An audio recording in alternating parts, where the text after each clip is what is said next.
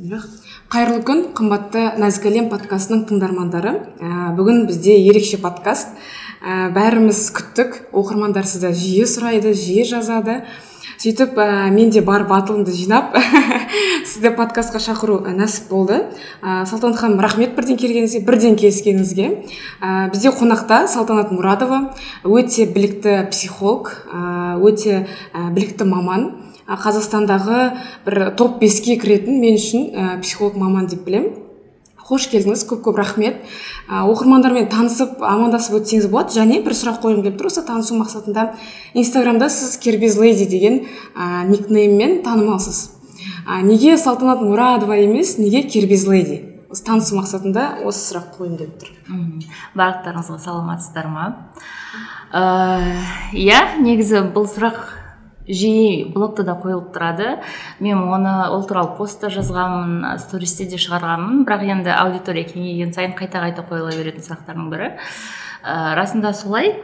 Ә, менің есімім салтанат мұрадова но ә, короче мына блогтың ашылуы өзі қызық болды. Ә, былай болған что ә, жалпы мен психологияны зерттеп жүргеніме он төрт жыл, жылдан асты. И менің бүкіл мысалы бірінші образованием педагог начальных классов. И сол жерде в основном біз көп возрастная психологияны көп оқыдық. Себебі бастауыш мектепте ә, жаңағы бір қосу бірді емес. Ә, оны так так бәрі біледі ғой. Но сол бір қосу бірді вообще басы тап таза миында ештеңе жоқ балаға жеткізу әдісін жолдарын білу үшін біз алдымен психологияны оқимыз. И ә, бастауышта біз оқығанымыздың где то бір алпыс жетпіс проценті точно постоянно психология болатын. Басқа сабақтарға салыстырғанда. Немесе психологияның тармақтары жаңағы ә, логопедия деген дефект дефектология там тағы бірдеңе деген андай қосымша тармақтары болған. Ә, и вот ә, соны зерттеп келе негізі вот мен қазір қорғап ә, қозғап жатқан тақырыптар в основном семья ғой? Семья yeah, иә, иә. отношения қарым қатынас ата ене муж. Вот сол ә, нәрселерді қозғаймын. Неге? Себебі мен ә, тұрмыс құрғанда ә, как раз осы тақырыптарға келіп тірелген кезде ә, түсіндім да что оказывается слабый жерім осы екен. Ә, мен өзім көп жаңағы қиыншылықтардан өттім семьяға қатысты. И сосын соны ә, бүйтіп алып зерттеп ә, келген кезде оказывается барлық нәрсе все в голове дейді ғой. Все у нас в голове все в душе все вот эти обиды. Вот сол бізді проблемаға әкеліп соғады екен. И сол нәрсені шешкен кезде ғана біздің ішіміздегі рухани бір жараларды шешкенде ғана оказывается адам жалпы не только в отношениях ол өзі бақытты болуға бел буған кезде когда вот он начинает с собой сам собой работать сол кезде оказывается айналадағылармен де қарым қатынас түзеледі екен там ешкімнен ештеңе күтпеуді үйренеді екен соның арқасында басқалармен уже андай ә, тығыз күшті әдемі қарым қатынасқа өте алады екен соны түсінген кезде мен ә, жаңағы бүкіл түйген ойларымның бәрін осындай қыздар жиналады ғой бір иә, иә. бір тобымыз бар жаңағы кассамыз бар чайымыз бар деген сияқты қыздармен жиналып ә, сөйтіп ә, сол қыздарға айтып беретін. Вот қыздар оказывается былай екен былай екен мен былай деп ойлап келсем оказывается қарым қатынаста былай дұрыс екен мынау былай екен деп сөйтіп жаңағы бөлсең ғой жай ғана сөздермен. Сөйтіп сол именно жаңа черный касса деп айтамыз ғой енді біз иә. қазір соны алтын касса деп атын ауыстырып. Вот сол жердегі қыздар м бүйтіп айтты салтанат давай сен осының бәрін просто құр қалмасын. Біз сенен естиміз естігенді біреуге жеткіземіз и сөйтіп осылай бүйтіп тарап жатыр иә, сенің иә. әңгімелерің дейді да ә, но бірін мысалы сен бізге жеткізгенде біз оны жеткізе алмаймыз. Жартысы қалып қалады әркім өзінің жаңағы несіне капаситесіне дейді ғой қарай жеткіземіз. И ә, иногда там мысль теряется иногда смысл теряется. Немесе адам өзі өзіміздікін қосып жіберуі мүмкін. Да да иногда өзіміздікін қосып жібереміз а и, и иногда бірдеңе айтып жатып сосын қалай жеткізіп еді салтанат біз осыны жеткізе алмай қалдық деп сөйтіп айтамыз дейді да. Давай сен осыны блог қылып шығар деп айтқан давай мы тебя поддержим ә, репостын жасаймыз бәріне рекомендациясын жасаймыз ты просто пиши. И мен шынымен жаңағы блогты ашқанда сразу бүкіл мен танитын қанша адам бар потому что все вот за эти 14 лет которые я изучаю психологию с, с кем-то я просто разговаривала ночные девчачьи темы по душам болатын потом ну тағы да андай проблемасы болса сразу маған звондайды іздейді. Одан бөлек біз тәрбиеші болдық сосын. Сол жерде постоянно бір сәл қиқ етсе мен іздеп келетін оқушыларым болды. И бәрі алды да бірден блогым таратып жіберді. И бір айдың ішінде бір бес мың оқырманға бірден бір ақ ұшып жеттім. И ә, сол жаңағы блогты ашарда. Әлі есімде не деп отырмын ә, поликлиникада по моему бір то ли бала ауырып қалды ма то ли өзім әйтеуір бірдеңе болып поликлиникада отырмын. Жаңағы кассаның қыздары жазып қоймайды чатқа. Салта аштың ба аштың ба аштың ба? деп есімде седьмое декабря пятница. Я с ребенком в поликлинике и поликлиникада отырып ашқанмын и атын не деп қоямын? деп жаңағы подружкаммен не қыламын сөйтіп ііі жаңағы колледжде бірге оқыған тәрбиешілікті бірге істеген жақын құрбым сандуғаш деген. Ыыы сол соған айтып жатырмын сандуғаш мен былай деп қойсам десем салтанат как назовешь корабль так он и поплывет дейді сондай типа атын хайырлы қылып қояйық дұрыс қылып қояйық давай бір кербез леди деп қояйық деп сол ұсынды негізі. Мен шын айтсам кербез деген сөздің мағынасын ұзақ білмей де жүрдім. Мен оның атын қоярын қойдым бірақ мағынасын білмей жүрдім. Соншалықты досыңызға сенгенсіз иә соншалықты сенгенмін это раз типа и екіншіден андай да ол құрбым қазақша жақсы сөйлейді маған қарағанда и ол андай осындай көркем сөздерді жақсы біледі сол үшін мен оған вообще полностью доверять ете салдым ол тақырыпты. Сөйтіп жаңағы кербез леди деп атын қойдым. Сөйтіп қыздар таратты. Ыыы и кейін уже уақыт өте келе сол подружкаммен кездесіп кербез деген не десем жаңағы ол ол орысша дұрыс білмейді. Мен қазақша дұрыс білмеймін. Сөйтіп маған кербез деген переводын типа жаңағыдай элегантная там такая роскошная деп сөйтіп сөйтіп жіберген. Аха. Сөйтіп жіберген. Сөйтіп мен вау аты күшті екен деп өзім таңдалып қоямын қоярын қойып алып уже бес мың подписчикке жеткен кезде. Солай болып кетті. И я никогда не скрываю говорю рахмет это сандуғаштың қойған аты ыыы и шынымен ну бір хайырлы болды деп ойлаймын. Күшті негізі андай ә, психологтарға тәрбиешілік деп айтып қалдыңыз ғой. Ә, мен де тәрбиеші болғанмын бірақ өзім психолог емеспін. Ә, жалпы адамдармен осы сұхбаттасу кезінде андай ә, көмектеседі да. Бұрын болған тәрбиеші болған бір нем тәжірибе. Иә сол күшті екен. Енді қараңыз жаңа сіз айтып жатырсыз ғой барлығы санадан. Яғни ішкі әлем ә, травмалармен біз қалай жұмыс ә, қалай бәрін жауып тастасақ сыртқы әлем де сондай бүтін болады дегенге келтіріп жатсыз сол үшін де біз ә, мен подкастты екі бөлімге бөлдім. Ә, бірінші бөлім ол ә, табысты арттыру санадан деп ә, келдім. Қазір ә, соңғы кездері стористарыңыз посттарыңыз ә, миллионершаларға мысалға курс жасау ә, деген тақырыпқа келіп жатыр. Сол үшін де осы тақырыпты алдым. Және табысты арттыру дегенге қазір көбісі осы тақырыпқа қызығып жүр. Ә, сол үшін екінші бөлім ә, ішкі әлемді реттеу. Ә, жаңа сіз, де айтып жатсыз айтып жатырсыз ғой қарым қатынастың барлығы басқалармен өзіміздің ішкі әлемімізден басталады деп. Сол үшін де осындай ә, екі бөлімге бөлдім. Ә, енді ә, сұрақтарымызға көше берсек болады иә? Ә, қараңыз бірінші сұрақ мынадай да. Ә, сіз ә, посттарыңызда стористарыңызда осы ә, табысты арттыру ішкі әлемнен бастау болады. Біз өзіміз миымызда ә, қалай шектеу қоймасақ миллиондарға ә, ішімізде рұқсат берсек миллиондарға иә мысалға ә, жақсы өмірге табысты өмірге рұқсат беруден басталады деген ә, стористарыңызда солай жиі айтасыз. Енді қараңыз мұсылмандарда ризық тек алладан яғни ішкі әлемнен емес тек қана алладан деген ұстанымда болып кейбіреулері табысын арттыруға тырыспайды. Ал кейбіреулері керісінше осы ризық аллахтан дегенді ұмытып разақ есімін аллахтан ұмытып керісінше өзі жүгіріп кетеді де сөйтіп тез шаршап кетуі мүмкін. Яғни бұл жерде екі шеті бар да ә, бұл жаңағы ситуацияның екі шеті бар. Ол осы ситуацияда алтын ортаны қалай ұстануға болады? Ну шын айтсам менің прям діни керемет бір білімім жоқ. Мен прям бүйтіп кірісіп мынау былай мынау былай деп ә, именно діни тақырыптан ә, сізге терең немесе андай керемет жауап бере алмаймын. Ә, бірақ мен психологиядан білетін андай ғылыми тұрғыдан біраз зерттеген зерттеулерді оқығаным бар. Ә, жаңағы тренингтерде семинарларда естігендерім бар.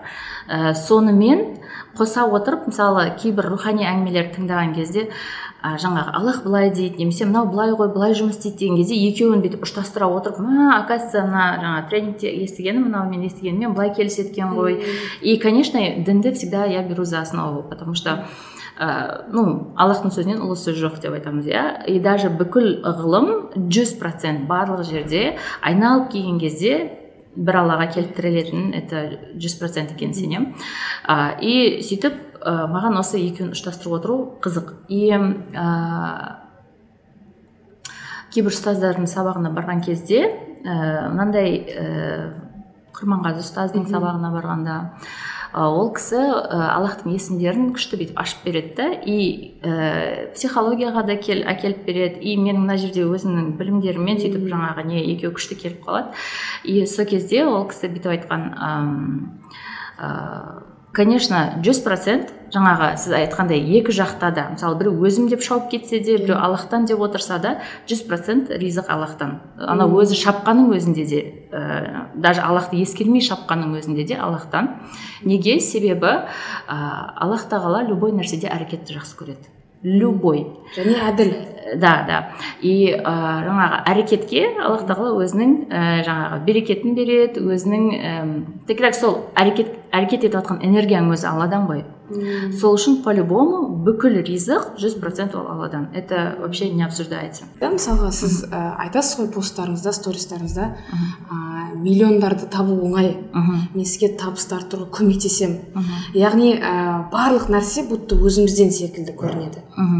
Бірақ ә, ол да бар то что иә біз миллиондарды тырыссақ жетеміз иә? Иә иә. Бұл бір крайность. Екінші крайность бар ой ризық аллахтан ғой не істеймін өзі келетін есік болса келе салады деп отыра беретіндер бар. Жаңағы құрманғазы ұстаздың сабағында ә, бүйтіп түсіндірді. Негізі күн бар дейді да. Ә, и күннің шуағы ол бүкіл әлемге бүйтіп жайылып тұр иә. Бірақ мысалы мен күннің маған біздің үйге кіргенін қаламасам мен не істеймін? перде жабамын перде қоямын и былайынша қараған кезде күн не ол? Ол жұлдыз энергиясы тасып тұрған мықты жұлдыз. И бізге даже мысалы сәл күннің астында отырсаң даже күйіп кетесің да андай бірдеңе прям не қылып кетеді бұзылып кетуі мүмкін күннің астында тұрса. Ә, сондай мықты күші бар. Бірақ нәзік перде он, ол күнді жауып қоюы мүмкін дейді да. Ә, хотя ол жай ғана андай жұмсақ нәрсе дейді. Ә, сонда перде жаңағы ә, если былай примерно сравнениеде мысалы күн аллах десек перде ризықты мысалы күн аллах демей ақ күн ризық деп айтайық. Ә, ал перде ризықты жабатын нәрсе деп айтады да. И мысалы перде не үшін күнді жаба алатын қасиеті бар? Себебі перденің ішінде де аллахтың бір есімі бар дейді да. Мысалы саттар деген есімі бар дейді. То есть аллах тағала бізге өзінің неше түрлі көркем есімдерін не только ну инструмент ретінде беріп қойған дейді да то есть әр нәрсені әр нәрсемен то есть ә, мысалы келіп тұрған ризықты біз басқа есіммен жауып қоюымыз мүмкін. Аллахтың разақ деген есімін басқа е, е, жаңағы есіммен жауып қоямыз дейді да мысалы саттар деген есіммен немесе жаңағы қорғаушы деген есіммен. Аллахтың есімдері көп қой негізі сипаттары көп. Ә, и ә, тіпті мына дуалдың мықтылығында аллахтың тағы бір есімі бар дейді. Сол жаңағы қатты ұстап тұрған деген сияқты иә, есімі иә, болуы иә. мүмкін дейді. И соның арқасында мына дуал мықты болып тұр дейді да то есть аллах тағаланың бір есімі бар соның ішінде. Ә, и сол сияқты біздің жаңағы немізде құрманғазы ұстаздың несі маған түсіндіру маған күшті келді. Блок деген нәрсе сол біз аллахтың бір көркем есім бір көркем есімімен екінші көркемесін жауып қояды. Жауып қояды. Да. То есть ә, мен бір өзімнің немде пример келтірген бір стористе. Жиырма бес жасқа дейін мен тұрмысқа шықпай жүрдім. И негізі ну былай қарағанда например типа оған себеп жоқ та мысалы ә, допустим ну, и работа есть и мысалы ә, түр десе түр бар деген сияқты бәрі бар да. Но почему то вот с парнями не получается там. Ә, то где то там ну болмай қалады әйтеуір неше түрлі жолдармен. И мен соны ойлайтынмын неге болмай қалады? Мен типа бүйтіп ойлаймыз ғой мен типа диплом алып ал сосын мен yeah, типа yeah. жігіт іздейсің деп айтады ғой. Бүйтіп ойлаймыз біз қызыл дипломмен шығамыз и бізді жігіттер күтіп тұрады и мен арасынан таңдап аламын да вот сен деп саған үйленіп кетемін деп ойлаймыз ғой. вот. И когда я такая универ закончила женихов нет я работаю женихов нет короче. И сөйтіп жүрген бір андай қатты ашуланған кезім болған. И тем более жиырма бес жасқа жақындаған кезде прям давление болған типа со стороны общества со стороны родителей қашан қашан қашан? Деген уже андай не шығады ғой. Бізді асықтырып. И сол кездерде прям қатты нервім ұстайтын. Не үшін типа бір жігіт дұрыс кездеспейді деп ше. Сол кезде оказывается менің ішімде мынандай бір өзім шектеп қойған жүрегімнің түбінде бір қорқынышым бар екен. Қорқыныш деген кезде мынандай бір ойым бар. Ә, біз ол кезде ну тұрмыстық жағдайымыз қиындау болатын семьямызда. Өз үйіміз жоқ алматыда. Ә, одан кейін ә, жаңағы ә, там ата аналармен ажырасқан одан кейін ә, ну короче осындай типа авторитетті түсіретін кейін если тұрмыс құрған кезде идеальный картинканы бұзатын нәрселер менің өмірімде көп болды да. Менің ойымша мен өз үйімнен бір күшті әдемі үйден ұзатса бір керемет бір той жасаса одан кейін менің ата аналарым қол ұстасып тұрса бір андай күшті әдемі картинкам болды да менің ойымда. А ол картинка жоқ өмірде ол картинка жоқ. И мен сол үшін ойлайтынмын мә салтанаттың ата анасы ажырасқан екен дегенді естісе не болады екен?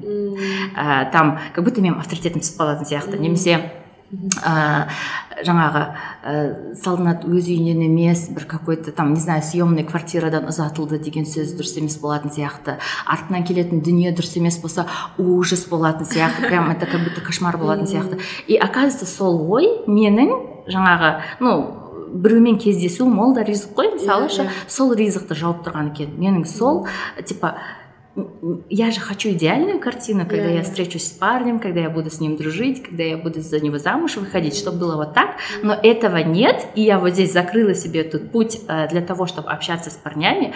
И и у меня нет парня. Ну короче вот андай жігіт жігітпен жаңағы не жоқ короче дұрыс қатынасқа бару жоқ да. Танысу деген жоқ. И сол сияқты біздің ойымызда неше түрлі идеальный картинкаларымыз бар. Мысалы мен да мен допустим жұмыс істесем былай болса менің күйеуім маған былай қолдау жасаса менің енем былай десе ата аналарым былай істесе мен балам бүйтіп жүрсе там ауырмаса там күшті сабағын өзімен өзі оқып жүрсе мен тек қана жұмыс істесем мен тек қана там табыс тапсам или там өзімді былай көрсетсем и адамдардың бәрі маған келіп бағанағыдай ана қызыл диплом көрсетсем клиенттер маған келсе и күшті болып кетсе деп ойлаймыз да. И э, но когда вот какого-то фактора из твоей идеальной картинки нет мы берем и вот так вот делаем блок на том что не сейчас. вот когда у меня будет эта идеальная картинка, mm-hmm. допустим, когда у меня родители снова сойдутся, когда они заработают на хороший дом, mm-hmm. когда у них будет достаточно денег, чтобы мне приданные купить, соки с деми или нем деген тік деген шарт қойып аламыз да өзімізше ше и ол шарт вот этот блок это біз аллахтың басқа есімімен қойып аламыз например жаңағы ризық есімін басқа есіммен ну я не знаю тут әркімнің ситуациясына қарай әртүрлі басқа есім например и аллах өзінің мейірім есімімен мысалы басқа есімді жауып қоюы мүмкін то есть біз аллахтың сол есімін қолданып а, и вот блог это вот эта штука когда ты ну и когда ты человеку объясняешь что не обязательно для того чтобы у тебя были миллионы чтобы там а, допустим чтобы твой ребенок не болел Для этого не обязательно работать 24 на 7 для этого не обязательно вот это делать. Жаңағы блогтар бүйтіп ашып көрсеткен кезде ол адам өзінің ол білмейді что это ненормально екенін ол потому что оның ішінде жүрген кезде оны түсінбейді мысалы мен сол кезде тұрмысқа шықпай жүрген кезде салтанат типа несіз тоже ажырас ата анасы ажырасқан ақшасы жоқ адамдар да үйленіп жатыр бәрі дұрыс деп айтса олар да. бақытты бола алады деп айтса мен сене алмас едім потому что в моей картинке мира этого нет. Типа, у меня должно быть по-другому. Я же видела, что моя подружка выходила замуж, и у нее крутое, крутое приданное было. Я также хочу. Мен көргенімді қалап тұрмын да. А, то, что я другой человек, у меня все может быть по-другому, мен оны қабылдамаймын. И вот когда ты вот начинаешь человеку вот это объяснять, именно психотерапия, да, там консультацияда иногда просто осылай екі ауыз отырып сөйлескенде адамдар кәдімгідей мә шынымен солай екен ғой деп бүйтіп ойлап а что так можно было да а что так можно было деп мына жері прям санасы ашыла бастайды и после этого айтады я с тобой поговорила и у меня проблема решилась дейді да то есть почему потому что вот ты убираешь то что он вот здесь вот так вот закрыл опять же вот эту дорогу ну то есть очищаешь жаңағы ә, судың жолында тас тұрады ғой сол тасты алып тастасаң андай поток күшті болып бүйтіп аға бастайды ғой сол сияқты және бір күннің сәулесі түсіп тұрса сол Иә, пердемен иә, жауып иә, тұрған иә, секілді сол болып тұр ғой иә пердені бүйтіп ашып аша қоямыз иә саласыз да, күшті. Вот вообще задача в этом, то есть там нет никакой мистики, там нет ничего, что типа вот психолог өзіне алып алып бірдеңе істеп жатыр деген. Нет, там мы просто видим элементарные законы физики, законы психики, и это работает. И ол жерде ешқандай ширк басқа нәрсе ештеңе жоқ, потому что ә, бар нәрселер да ол күшті және ә, ислам дінімен ислам дінінің шеңберінде дейсіз ғой? Иә иә конечно шеңберінде. и сосын жаңа ғана ризық келеді деп андай бүйтіп қол қусырып отыра беретін адамдар. Это как раз ә, жаңағы м, ризық келеді. да и у этого человека есть свой ризық который даже ештеңе істемесе де ну ты- сол келеді деп отыра берсе де біреу оны бақса да әйтеуір келетін ризығы бар это да но а, качество этого ризыка да который к тебе придет берекесі да иә. а, оно будет другим Мм, то есть, например, если, э, допустим, я могу хотеть, чтобы, ну не знаю, каждый день дома еда была, Мгм. правильно? Но мысалы бізге в какой-то момент аллах тағала бізді аштан қалдырмас үшін может көршілерімізге артық беріп күнде оларды артылып бізге қалғанын жіберуі мүмкін. Мысалы вот салтанат сендер оказывается ризықсыз отыр екенсіңдер жеңдер деп ше но они едят свежую вкусную еду такую как которую они захотели а нам приносят только то что осталось Мм. например и мы вынуждены питаться тем что есть А, и люди которые сидят типа бізге әкеледі ғой десе э, ну они должны понимать что качество там будет другое Мм, и түсінікті. да, и то, что ты хочешь, э, например, э, бесплатная государственная школа это риск, правильно? Мм, да Но если ты хочешь, чтобы твой ребенок, нап- например, с с каким-то другим уклоном развивался, для этого есть другие платные школы. А, Ты можешь учиться в бесплатной школе, а можешь прям с классным качеством, именно балаңның потенциалын ашатын басқа мектепке беруге болады. Но туда нужно немножко по- постараться поработать. иә иә иә күшті және де бір ә, хадис естідім да? Ә, да пайғамбарымыз саллаллаху айтқан екен сендер білсеңдер ғой аллах тағаланың сондай ризықтарды сендерге дайындап тұрғанын сендер жүгіру керек дейді да ол нәрсеге? Жүгірсек қана біз аламыз бірақ аллах тағала ризықтың бәрі аллах тағаладан ол и так та дайын тұр. Да. Миллиондардың бәрі тұр жанымызда. Просто барып ала салу керек дегенге келтіреді да осы иә иә хадисте. иә. Күшті күшті машалла. Рахмет жауабыңызға. Ана күшті мысал болды тұрмысқа шығумен прям жетті. Ә, енді қарашы осы ә, табысқа талпыну ә, тақырыбында бір осы тақырыпты қозғайық. Кейбір адамдар жұмыста бір бір бір ғана жұмыста бір орында тұрып қалады да. Ә, бірақ олар негізі ішкі қалауы бар. Мен өскім келеді деп іште қалайды бірақ өспейді да. Бір жерде мысалы, бір бірнеше жыл бойы тұра береді. Тіпті мысалы психология саласында да консультациясының бағасы өспеуі мүмкін бірақ тұра береді жүре береді тәжірибесі арта береді. Өскісі келеді бірақ өсе алмайды. Ондай ә, сол осындай табысқа жету үшін қандай қабілеттер керек? Бір ә, психологияда қандай бір ә, өз өзін шектемеу керек па? Өзін ә, ретті ұстау керек па? Не істеу керек табысты арттыру үшін? Ну, я всегда на всех консультациях, на всех э, своих курсах я всегда говорю, э, можно можно оставаться проработанным неудачником, делать там, да. То есть, например, ты можешь свои психологические проблемы все решить, но э, өмірің өзгермеуі мүмкін. Өзгеріске не әкеледі тек қана әрекет әкеледі. Все басқа ештеңе әкелмейді. То есть әрекет деген нәрсені біз бүйтеміз ә, істеп жатырмын ғой я типа я еще больше беру заказов я сильно зашиваюсь деген ә, типа мен ә, имитация бурной деятельности жасап жатырмын дейді. То есть я допустим если он клиент қабылдаса мен жиырма клиент қабылдап жатырмын солай табысым артты но ә, например типа я мен екі есе қиналып жатырмын бұрыннан деп сөйтіп келеді есе да кейбір. шаршайды. екі есе шаршаймын екі есе меньше вижу детей в два раза меньше получаю удовольствия от денег которые я получаю деп мысалы я именно сол кезде айтамын ну тогда можно поднять цену за услугу то есть э, в два раза чтобы больше зарабатывать там э, если ты уже саған екі есе көп адам э, келетін адам болсаң то ну увеличь ценник ты будешь работать меньше за ту же за ту же цену да Это обычный маркетинг потому что когда есть спрос и предложение вырастет яндекс таксиде де солай ғой жаңбыр жауған кезде анау қанша болса да таразға барып келетін ақша болса да барып мысалы отыра береміз иә сол э, любой бағаға келісіп сол сияқты когда есть э, предложение э, когда есть спрос рождается предложение.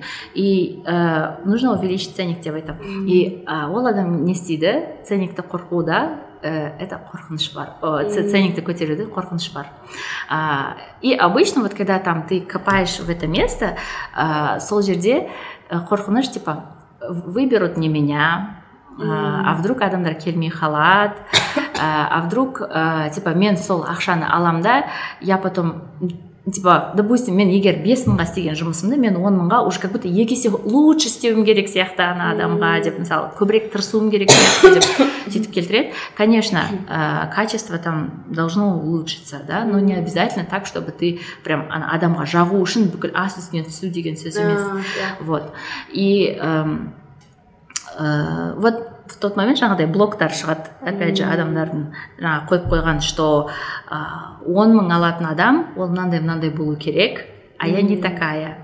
Или вот жаңағыдай страхи что если я начну я подниму ценник э, они уйдут туда где дешевле типа мені мен клиенттерімді жоғалтамын да клиенттерімді жоғалтамын да ну в, в такие моменты обычно просто универсальная работа там также просто э, обычно это какая-то ситуация в детстве в юности или там ну впечатле э, адамның өмірде қатты бір дақ қалдырған із қалдырған бір момент шығады вот и когда ты помогаешь человеку вот этот момент развязать жаңағы сол жерде болған түйінді развязать еткен кезде шешкен кезде уже человек, человек отпускает, он реально такой, почему я так думал?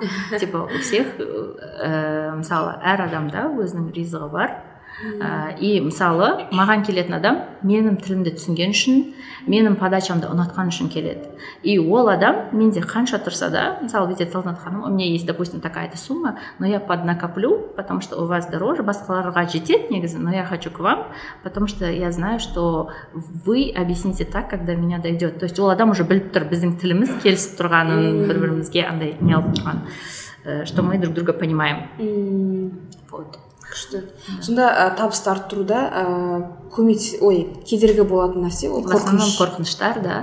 И ә, или әрекет жасамау. Кейбір адамдармен даже проработаешь ну андай көтер десе аха деп отыра береді. То есть мысалы оның орнына мен барып көтермеймін ғой ол бүгіннен бастап бұның ценнигі мынандай деп. Ол өзі әрекет жасау керек. Или да или мысалы жаңағы жұмыста өсу үшін мысалы бір орында отыра берсе пассивный работник болса оны өсіру үшін мысалы любой бастық қайда қарайды? Ә, потенциалына қарайды ғой адамның. Бір орында отыратын бастық ну типа керек емес правильно? Бастық деген не істеу керек? Ол жан жақты бүйтіп көбірек ә, движение жасайтын адам болу керек да. чтобы более такой шустрый объем задач большой бастық чем ты выше положение у тебя. И соны көтере алатын адам керек. И бір орында отырып мен не почему меня не повышают? Типа мен уже он бес жыл істеп жатырмын бәрі всех вокруг повысили это наоборот, тревожный звоночек для тебя, что ты делаешь не так, что 15 лет ты сидишь на одном месте, всех вокруг тебя повысили, кроме тебя. Ну, я точно там молодом. ондай кезде сұрақ қою керек иә да да да что я делаю не так что э, у меня еще э, продвижение ешқандай жоқ просто жоқ күшті күшті енді қарашы бұл жерде салыстыру басталып кетпей ма адамдар кейде көп қоғамда байқаймыз осындай проблема Бір бірін салыстырып жатады. Бұл неден болуы мүмкін? Әркез әлде андай синдром отличницы ма? Әркез бәрінен де мен күшті болуым керек деген нәрседен қалып қойған ба бұл?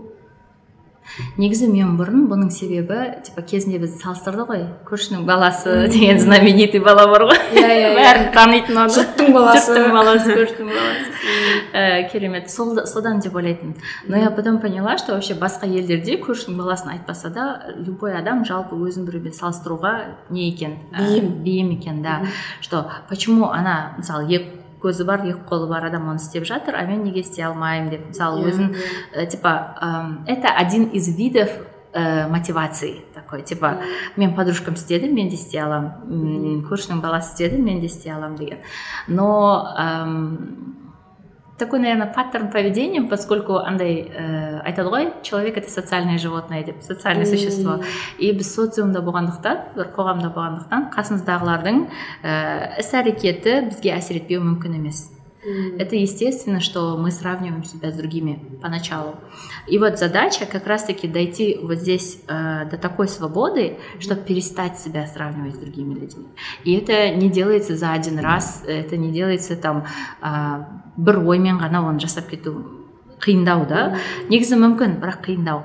А, вот когда ты понимаешь э, вот кеше ғана маған осы сұрақты қойды. Mm почему? Типа ты среди психологов типа особенная дейді да. Mm знаете что я сделала? Ә, мен негізі жалпы өзімнің еліктеуішпін өзім. Сондай мінезім бар. И соның басында мен енді бастаған кезде осы блогты ашып сосын андай резко андай үлкен аудитория келіп кеткен кезде мен басында жазбаларым просто өзім күніне үш төрт пост үш төрт посттан шығара беретінмін бүйтіп жаза беретін күніне үш төрт посттан потому что толып тұр ғой ана жерде шығару керек бір жерге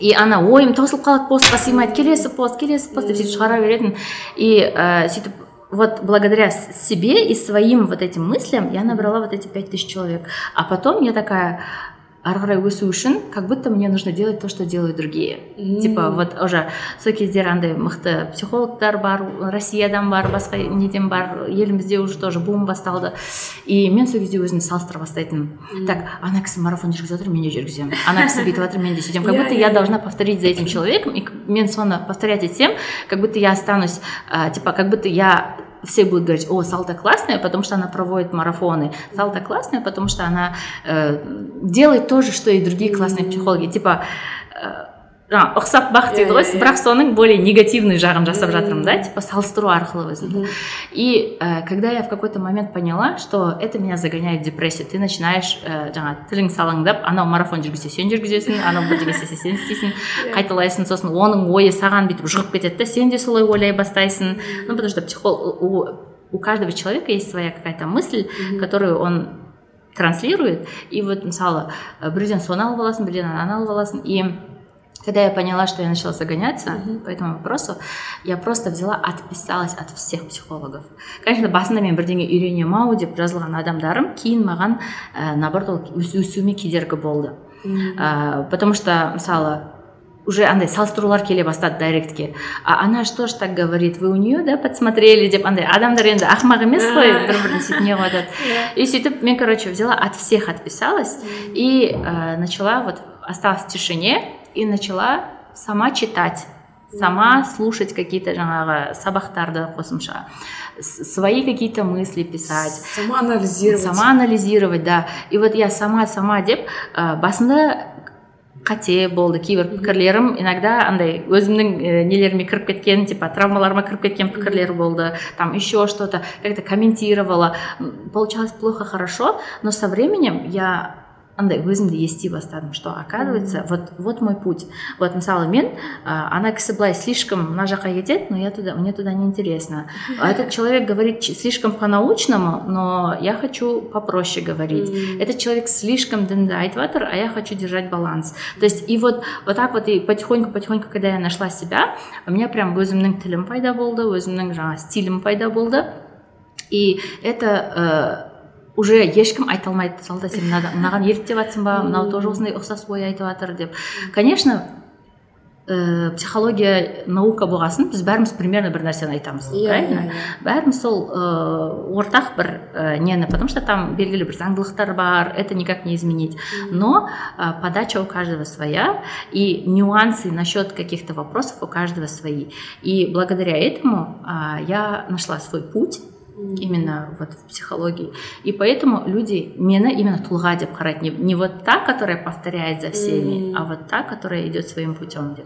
И поэтому э, это получает уважение и это всегда чувствуется ә, басында салыстырасың әсіресе жаңа кәсіп бастаған кезде жаңа іс жаңа жол бастаған кезде салыстырасың это неизбежно ә, это нормально это нормально а, и в какой-то момент когда ты поймешь что слишком уходишь в другое в чужое в чужую мысль в чужие там э, паттерны поведения а, тебе нужно вот как раз отписаться от всех и остаться в тишине и начать уже что-то свое, как можешь, да, как можешь. И если многие новые подписчики мен жаңағы страницамды от начала до конца ақтарады екен да и сөйтіп басында былай деп жазыпсыз қазір былай деп жазып жатсыз деп енді не нелер салыстырулар өткізеді я говорю да так было почему и я специально не удаляю свои старые посты потому что я хочу чтобы люди видели что был прогресс что я когда то так думала потому что эти мысли иногда противоречат прям қарама қарсы менің қазіргі ойларыма а, тогда я не понимала что-то но потом со временем там есть пост где я пишу что я это поняла и дальше короче уже басқаша ойлап кеткенмін я считаю что это, э, ну, естественный рост это классно деп ойлаймын потому что ешкім төбеден крутой профессионал болып салбырап түспейді иә иә вот. Это все сонда дамудың ә, бір естественный жолы біріншісі салыстыру болуы мүмкін басында болуы мүмкін иә болуы мүмкін иә ондай кезде м біршамалы тоқтау беру үшін бәрінен ысырып тастап иә. бір адам когда оңашаланып өзімен өзі қалады ғой. Иә мысалы иә пайғамбарымыз да так иә, часто иә, делал да. сөйтіп оңаша уйти в пещеру да? Иә иә уйти в пещеру. Иә үңгірге кетті иә деген иә. сондай өзіміз өзімізден қалып ә, ойларымыз және өзіміз деп иә. Негізі қызық сын айтып отқаныңыз себебі андай да шынымен әр психолог әртүрлі иә. және андай бір бірі анау жаман мынау жақ- жақсы деп айта алмаймыз. Да. Бәрі өзімен күшті да Да, да, бәрі өзі болғаны үшін ғана иә күшті. иә иә. Дара болғаны үшін ше. Да. сол үшін ә, нелерге күшті мотивация сияқты бұл нәрсе. Баста, бастап келе жатқан мамандарға иә да? бастап келе жатқан мамандар Иә. күшті сияқты. Енді қарашы бізде м, ысырап деген ұғым бар. Сосын ә, өзімізден өзіміз ақша аямау деген ұғым бар да. Мхм ә, екеуінің ортасын қалай ұстансақ керек? Бізде бір енді қазақы менталитетпен өстік қой көбіміз. Бір кішкене бір артық болып кетсе қойыңызшы ысырап деген сияқты ұғымдармен өстік. Енді өсіп келе жатамыз. А, подросток боламыз алматыға келеміз. Бұл жерде бір сондай терминдарды мен бірінші рет естідім шынымен. А оказывается өзінен аямау керек екен ғой. Прикиньте бірінші рет жиырма жасында деген сияқты да. Ал барлық артық болып кеткеннің бәрін біз ысырап деп келдік. Иә. Сонда осының ортасы қандай? Осы екі ұғымның. Эм, мынандай бір ой естідім. Маған ұнады и мен соны ұстанамын да. Например э, крутой телефон за миллион. И э, ол ысырап па если я беру этот телефон э, и кәдімгідей бүкіл функцияларымен қолданып например осы телефонды алғанда менің жұмысым жартысы инстаграмда да? Э, жартысы вот так вот батарейкасы таусылмайтындай мен онлайн консультация жүргізуім керек. Мені э, одан кейін интернетті жақсы ұстау керек. Потом осы осылай видеолар түсіреміз. Одан кейін ә, тіпті курс жазған кездерім болды жаңа жақсы качество да. Мен и если былай есептесек мысалы әр сабақты допустим жиырма мыңнан түсіретін болсам бір курсым допустим он он бес сабақ уже мен телефонның жартысын ақтап қойды деген сияқты. Типа ысырапын. Иә иә понимаете? благодаря тому что я могу использовать свой телефон как э, инструмент Э, и э, я сэкономила на курсах например. Я сэкономила там э, мына адам маған келді мен оған качественный э, прямой эфир жасадым. И получается вот ол маған сағатына төлеген ақшасы. Одан кейін солай бүйтіп наворачивать еткен кезде мен ойлаймын мына телефоным уже бір біраз рет уже өзін ақтап қойды. Хотя алғаныма аз ақ болды деген сияқты. И вот осындай нәрсе шын мәнінде если сен оны қолдансаң ә, качественно қолдансаң и ә, ну например я считаю что вещи не должны подводить человека. Обувь должна быть хорошая обязательно. Там ә, какие то вещи аз да болса бірақ сапалысы болу керек деп ойлаймын и вот мысалы э, о- ну сумка я могла ее там за 100 тысяч купить но я ее везде и в мир и в пир и везде она в тему деген сияқты ғой типа вот ә, ә, әбден қолданамын тастамай қолданамын деген. Мысалы в моем понимании это так. Мен қолданамын ә, жақсылап тұрып ол маған көмектеседі. Талай ә, нәрсеге э, ну, типа, удобство берет, она облегчает мою жизнь, я этим буду пользоваться. Но, например, духовка на миллион, менің э, жағдайымда это ысырап. Потому что я почти не готовлю сейчас. И ол э, для красоты алынған духовка на миллион, чтобы был у меня красивый кухонный гарнитур, и все говорили, что у меня духовка стоит миллион, это уже асрап, да? Но для, для, для домохозяйки, которая сидит дома, которая печет торты, которая э, реально соны қолданып, это облегчает ей жизнь, она там таймерін қойып қоятын шығар, вентиляторын қойып қоятын шығар, то есть кәдімгідей как положено қолданатын шығар ол жаңағы не знаю духовканы для нее это ысырап емес для нее это эм, реальный инструмент который облегчает ей жизнь. Күшті күшті понимаете? И вот я, вот отталкиваясь от этого, э, у меня есть какие-то вещи, на которые я вообще не жалею деньги, и есть какие-то вещи, которые я, ну там, самый простой, самый китайский наласлом, да, и берем, для меня это норм. То есть, типа, вот, ой, Салтанат, у тебя что там, дешевенькое, вот это там, у тебя стаканчики дома дешевенькие, ага, типа, этого я алмаймын, да, потому что, ну, э, допустим, ол маған это для меня не так важно, как, например, э, хороший телефон или хорошая сумка. Понимаете? Вот. Э, вот я вижу грань только в этом. күшті негізі ысырап деген сөздің өзін дұрыстап ашқан дұрыс та мысалға адамдар көп нәрсені уже ысырап деп ойлайды да. Бірақ ол көп нәрсе көп қолданса бұл уже ысырап емес. Мысалға жаңа телефоныңыз иә? Иә. және төлебек ағай тоже айтқан ысырап деген ол бір нәрсені артық жасау. Бостан босқа кету да? А мысалы телефон шынымен айфон он үш мысалы босқа кетпейді ғой. Әрбір функциясын қолдансақ Иә. ол точно ысырап емес иә? Но, например, бір ә, клиент келді бүйтеді мен мамама ай- айфон он бір про алып бердім дейді. Я говорю мамаң оны не істейді? Мысалы алпыстағы апа не істейді оны? правильно Да. но ей нужен вот этот статус что я ей крутой айфон купила деген м, Понимаете? Вот это уже сраб, это уже ненормально. Тут лучше апашке купить какой-то кнопочный телефон, который она реально бүйтіп түсініп бүйтіп қолданатын ше Э, ну енді конечно апа апалар әртүрлі болады ғой Иә, енді иә, иә. но все равно даже самая продвинутая апашка iPhone 11 Pro Maxты дұрыстап қолдана алмайды м, И это наоборот, да, ақысын бере алмайды дейсіз да да и это наоборот э, кейбір жағдайларда оны даже опасностьке тастауы мүмкін потому что мысалы бір апаның қолында он бірді көрсе мысалы біреу ну Алып кете салғысы келеді. э, там или апа бір ақшалы біреу деп ойлауы мүмкін там ну мо- может что-то угрожать ее жизни или безопасности. Поэтому я за такое осознанное потребление деп айтайын ба Вот. күшті күшті әр адамның қолданысына сай Да, да. иә күшті күшті енді қараңыз мидағы шектеулер туралы сөйлессек мана біз бір бастап айтып кеттік та. Мидағы шектеуді қалай жоямыз? Ол да қорқыныштан бастау бола ма? Және миллиондарға кейде рұқсат бере алмаймыз да? Ә, мысалға алдында андай болды бір қызық оқиға. Мен подкасттар тегін жасаймын ә, тегін жариялаймын. Ә, бірақ астына каспи қойып қоямын да. Егер қолдағыңыз да? келсе иә қолдаңыз деген сияқты. И ә, әдетте маған бір жүз теңгеден бастап мен ұялмаймын айта салайын жүз Иә. теңгеден бастап екі мың теңгеге дейін жаңағы донат түседі кейде. И бір кезде бір ағай даже кім алған ба то он мың теңге салып жіберді да подкасттар үшін рахмет. И мен түсінбей қалдым да так. Че то қабылдай алмай жатырмын Да. да. Ә, зачем так много? Иә почему так много? Мен по идее тегін бере салып жатырмын ғой депші Иә. до того күшті подкаст болған ба мен енді келесіде точно мен уже маст дейді ғой жаңағы міндетті иә. түрде келесіде мықтырақ істеуім керек. Деп бірінші ой сондай болды да. То есть Иә, иә. мен миымда рұқсат бере алмайды екенмін негізі. Э, именно подкаст үшін. Хотя мен ойлап қараймын бұл еңбек қой. Редакциялау бар алу бар Иә. келісу кездесу деген сияқты нәрсе. И ә, қалай осы мидағы шектеулерді алып тастауға болады? Сосын мен ә, іштегі коллегаларыма айтамын да прикиньте біреу маған он мың теңге салып жіберді деген сияқты. Қайта қайта бәріне Иә. айта бер прикиньте өзім сенбей жүрмін да? Сосын олар әзілдейді да егер сізге жүз мың салып жүрсе дірілдеп кететін шығарсыз дейді да вот хотя бұл жүз мың болсын тіпті миллион біреу салып жіберуі мүмкін подкастқа рахмет деп бірақ ә, мида шектеу болып тұр да получается мен миымда рұқсат бермеймін. А вот осындай шектеулер ада басқа адамдарда болуы мүмкін. Қалай алып тастауға болады?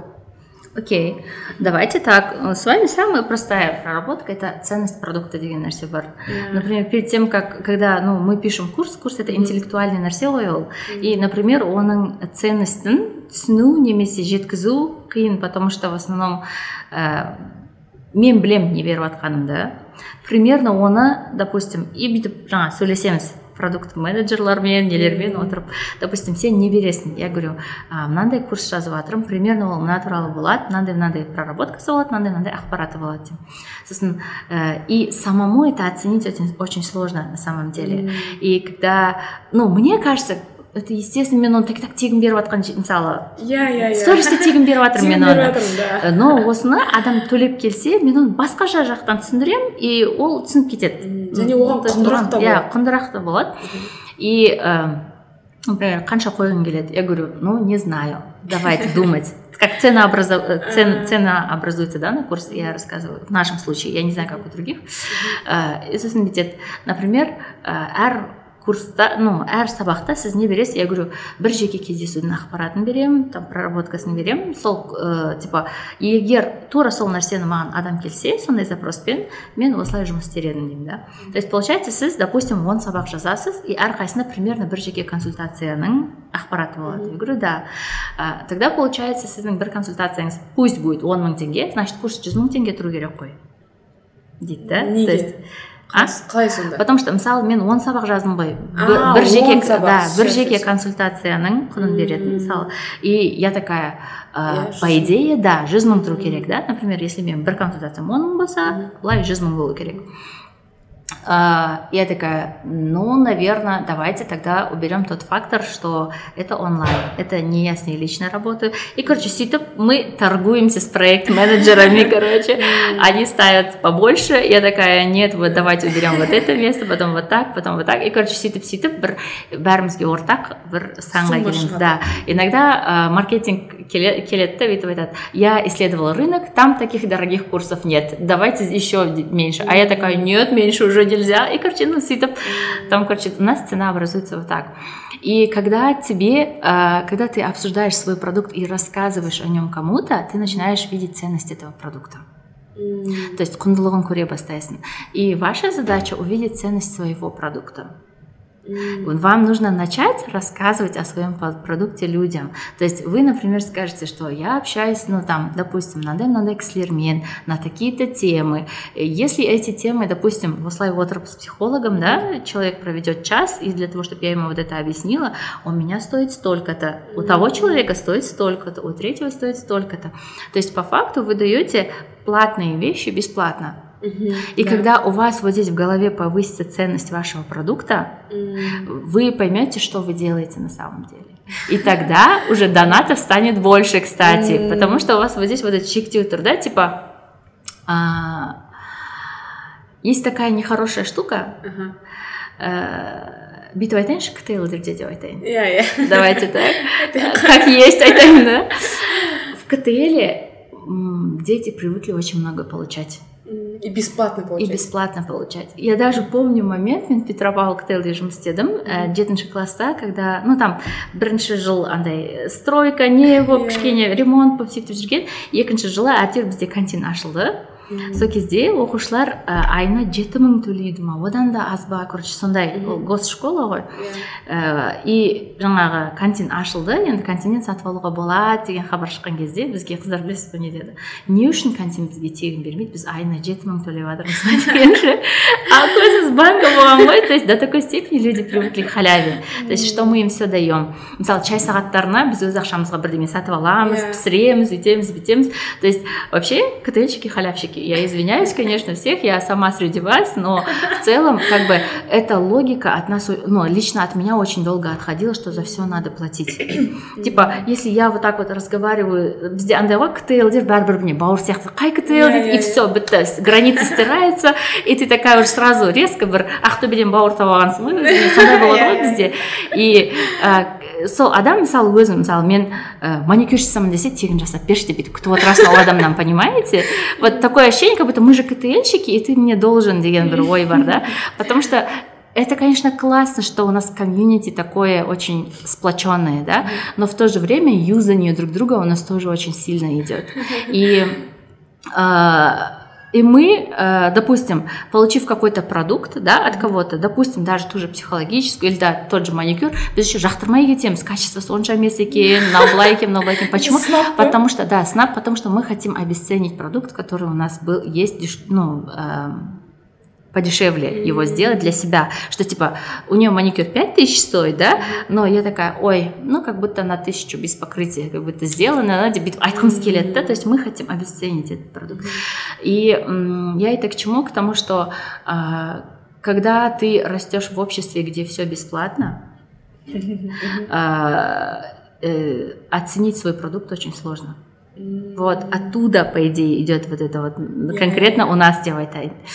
А, а вот ә, мысалы басқа адамдар кішкене саусағын қимылдатса ол нәрсеге уже басқаша ақша алады и оны и главное все с этой ценой соглашаются потому что у человека вот здесь есть понимание этого понимаете а, и ә, тағы да айта кетейін енді прям нацияға тиіспей ақ қояйын бірақ мысалы орыстар деп айтамыз ғой орыстардың тура сол продукты может быть дороже чем у казахов но они себе позволяют ставить вот это вот не например ремонт үйге қазақтар жасаймын сегіз жүз мың десе орыстар полтора миллиона десе соларға бергім келіп тұрады как будто они сделают лучше ответственнее сияқты как будто а, почему потому что но на самом деле не в качестве работы может быть заключаться а в том что а, тот человек вот здесь позволяет себе эту большую цену и он в этом свободен а тут на сегіз жүз мың деп еще стоит сомневается может алты жүзге түсірейін ба деп понимаете вот вообще это все мына ойдағы нәрсе ғой негізі yeah, сол yeah. Ә, внутреннее непозволение не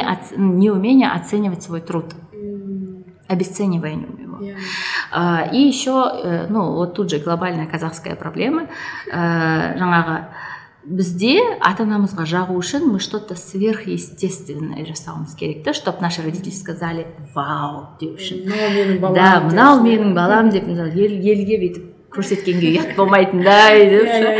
и вот ә, жаңағы лично у меня қалай болғанын айтсам ә, у меня папа я от папы ждала все время мақтаған енді мама мақтайды ғой всегда мама айтады а пападан күтесің ғой бірдеңе айтқан қыздар еще папасына жақын вот э, жалпы да и и к тому же папа он знаешь это вообще по психологии это человек связь с социумом и как будто если папа признает социум тоже признает сияқты бір ой жүреді бір ойдың түбінде мидың түбінде и я все время бүйтіп әкелемін ғой қызыл диплом әкелемін папа. Молодец. Шах етіп жауып қоя салады бүйтіп мысалы біреулерге қарайсың көрімдік сұрап жүгіріп апасы жылап сөйтіп жүреді да. Мен деген той жасап да той жасап тілек айтып жатады сенде деген молодец типа «Э, сегодня тебе там побольше плова положим деген сияқты ғой типа. Э, вот ну, типа это было просто.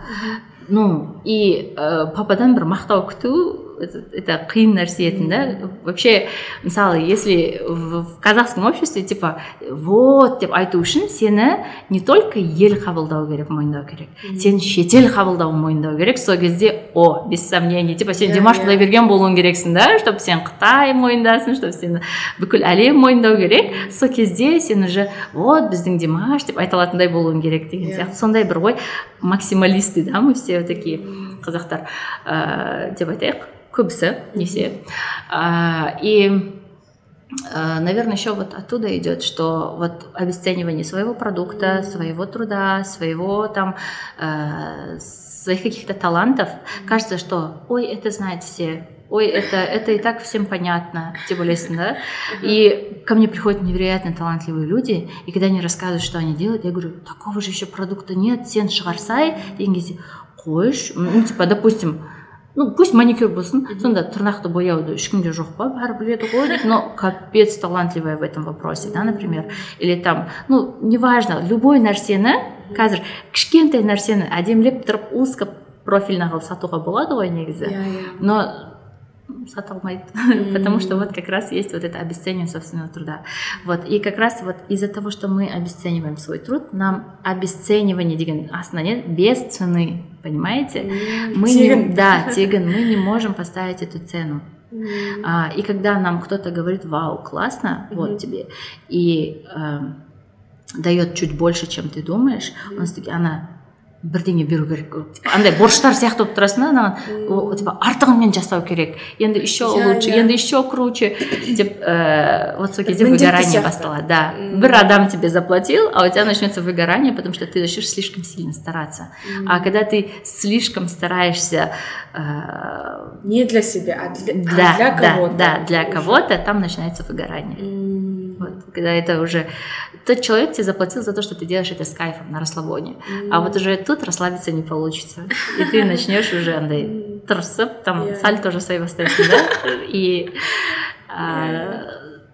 короче будет сложно сонда өзіміздің шектеу қоймас үшін миға біріншіден бесплатно өмір сүруге үйренбеу керек та да яғни қалай айтуға өзімізге және екінші өзіміздің өнімімізге бір құнын жоғарылатуымыз керек. Өзіміздің миымызда жүрегімізде.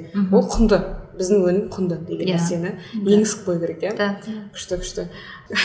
Күшті жауап еще андай бар да. Ә, мен негізі ктл ды оқымадым ә, бірақ тәрбиеші болдым. Ә, вообще ә, ниш бітіргенмін ғой. И ол жақта шынымен ә, бәр нәрсенің құны бар деген сияқты ғой. Ал мына жақта наоборот бір анти да бір бір жағынан ше. И ә, кейде тіпті былай ә, осы біздің ә, лицейді бітірген жаңағы әпкелеріміз вот сен кімге тұрмысқа шығайын деп жатрсың даже не то что өнім да? Менің өмірімді құнсыз қылып андай Иә, иә, тек жақын ғана адамдарыма мен айта аламын ғой. Иә, иә. а неге сыртын адамдар мен такая сори бұл менің жеке шекарам бір жеке шекараны да қорғау біл үйрену керек сияқты Иә, оны қазір иә. кейінгі сұрақта талқылаймыз иә. Рахмет өте күшті жауап болды да бұл. Мен мына подкастқа жазып қоятын шығармын. Миллион теңге тұратын подкаст. Солай төлеңдер және тыңдармандар да өзінің өнімін Иә, иә. өнімін құнды ету арқылы да бұл миллион теңге тұратын подкаст. Имейте в виду деп жатсам да. Одан кейін енді мындай нәрсе айтайықшы. Осы рухани әлем бар ғой бізде. Тек қана осы өнім өнімнің құндылығы ғана емес Иә. оның бір руханилығы да бар да. Осы рухани әлем иманымыз ә, табысты арттыруда қалай әсер етеді? Тікелей. Тікелей Да, ну, почти один в один.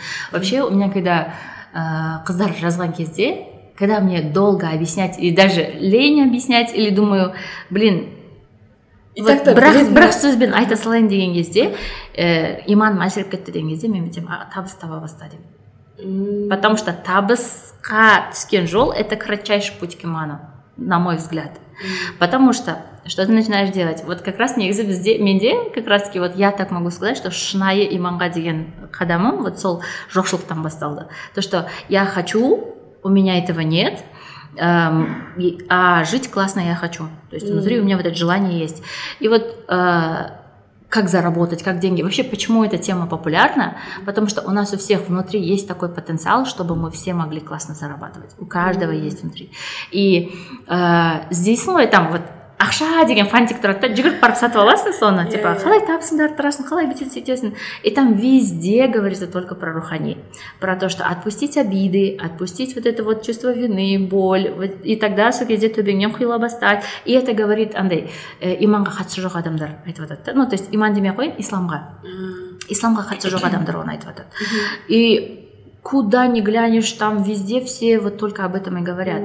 И когда я поняла, что оказывается ә, шынымен өзіңнің мына ішіңдегі бұл блоктарды дедік қой жаңағы оказывается шектеулерді алып тастаған кезде одан кейін ә, біреуге деген реніш өпкені алып тастаған кезде а реніш өпкен не үшін бар потому что солар кінәлі то есть жауапкершілік соларда менде емес деген то есть адам инфантилизм дейді ғой Иә, маленький ребенок болып қалғысы келеді типа вот енем кінәлі күйеуім кінәлі балам кінәлі бәрі кінәлі деп сөйтіп соларға ысырып қойған кезде вот и я на них обижусь чтобы точно наверняка что вот это они деп айту үшін и м, когда ты вот от этого всего избавляешься ну прям невозможно не стать э, табысты я так скажу и когда ты от этого всего избавляешься и реально вот идешь в духовный рост, э, ну, иман орнына келет обязательно. м, Прям вот как будто вот, ну не знаю, позвоночник как будто выправляешь, вот так қытыр қытыр қытыр еткізіп орнына келіп, как будто бойың ұзарып,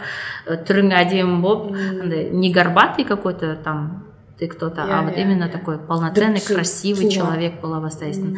И это все, пожалуйста, табысыңды арттырғың келсе иман, иманыңды арттырғың келсе табыс вообще без проблем. Это, я считаю, взаимодополняющие друг друга вещи. машалла күшті.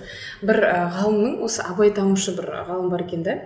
Абай енді өте рухани адам ғой өте терең адам. Сол былай депті абайды абай еткен құнанбайдың байлығы. Да. деп айтқан да. Яғни мен басында в шок болып қалдым. Қалай сонда? Сөйтсе былай екен а, құнанбай бай болды ғой. Оған өте күшті жағдай жасай білді. Да. содан кейін барып ол рухани тереңге енді ше. Согласна. Потому что пирамида Маслоу бар ғой М. басында би- жаңағы базовые потребности это безопасность это еда вот ә, сол нәрсе. То есть например қазір война болып жатқан елде сен рухани әңгімені айта алмайсың. Ол адамның бүгін ә, вообще аман қалам ба тірімін ба? Ә, сен ә, там бүгін жейтін нәрсен бар ма жоқ па? Деп например ну не знаю война дедік бомж дедік например бомжға рухани әңгіме айта алмайсың потому что ол ертең не жейтінін білмейтін адам да? А, то есть человек сначала закрывает базовые потребности, потом потом потребность в удовольствии потребность в признании людьми уже адамдармен и после этого уже она руханиятқа көшеді да и получается если абай все время был руханиятта ну то есть в основном вот сол кішкентайынан сол дамып сол тақырыпта бүйтіп қайнады ғой иә у него вот эти все потребности были закрыты. Mm-hmm. То есть у него база, вообще он не переживал, что он будет кушать. Yeah. А, он, у него база вот, ну, удовольствие деньги здесь, то есть его все любили, уважали. База в признании, то есть он был уже все Кунамбайден баласы, yeah. А, который еще и стремится к чему-то, mm-hmm. то есть не просто бала, который там чем-то занимается. Mm-hmm. У него уже было признание, и уже после этого вот этот вот руханет, который... Mm-hmm. Эм, он развивал, и тем самым вот эта все нижняя сторона еще больше полноценной становится тола бастады күшті күшті сол кезде адам ұша алады дейсіз ғой астындағы потребностьтер болса. Күшті. Енді ііі рахмет жауабыңызға күшті жауап болды. Енді қарашы қарыз деген мәселеге кірейікші. Кейбір адамдар бар екен біздің қоғамда. Ыыы әркез қарыз сұрап тұрады. Оларда сондай бір хабит то есть әдет бар сондай. Иә. Әркез қарыз сұрап тұрады. Ойлайсыз ғой оған жетпей жатыр деп. Жоқ оған жетіп жатыр. Оның айлық бір тұрақты табысы бар кірісі бар. Бірақ қарыз алған уже әдет болып кеткен. Ол неден? Одан қалай құтылады? Ну смотрите э, психосоматика деген нәрсе бар. То есть психо это психология да? Ой. А соматика это тело. то есть и вот получается, э, когда у нас психика что-то не выдерживает, он отправляет это в тело. А, и когда, э, например, допустим, жаңағы э, знаменитый бірдеңе айта алмасаң тамағың ауырады деген да самый простой жаңағы тамағың ауырып сен не айта алмай жүрсің деп уже бәрі біледі ғой сол сияқты Мысалы мына тамағымда тұрып қалды деп айтамыз ғой айту керек еді тұрып қалды. Одан иә. кейін ә, айтайын айтайын десем прям жібермей қойды мына жер деп айтамыз иә? Тамақ туралы сөйтіп айтқан кезде. Все что мы говорим про наше тело мысалы мына жерде тас болып қалған сияқты мына төбемнен мұздай су құйған сияқты. То есть вот все эти ощущения мы же рассказываем про тело. То есть мысалы не все могут описать свои чувства но денеде болып жатқан процесстерді айта алады и вот сол арқылы оның сезімін білуге болады что он испугался он был в шоке он ә, жаңағы қорықты. да. Сол нәрселерді уже түсінуге болады да ол ә, денесін описывать етіп жатқан ә, симптомдарға қарасақ так вот ә, неге ә, қарызға келетін болсақ э, это ну орысша айтқанда долг дейді ғой долг. Долг это чувство долга. То есть өзін борыштар немесе біреуге қарыздар сезіну. И когда Адам өзін у него испытывает сильное чувство долга э, он переходит это, переводит это в соматику. То есть он не знает почему, но он хочет долги иметь.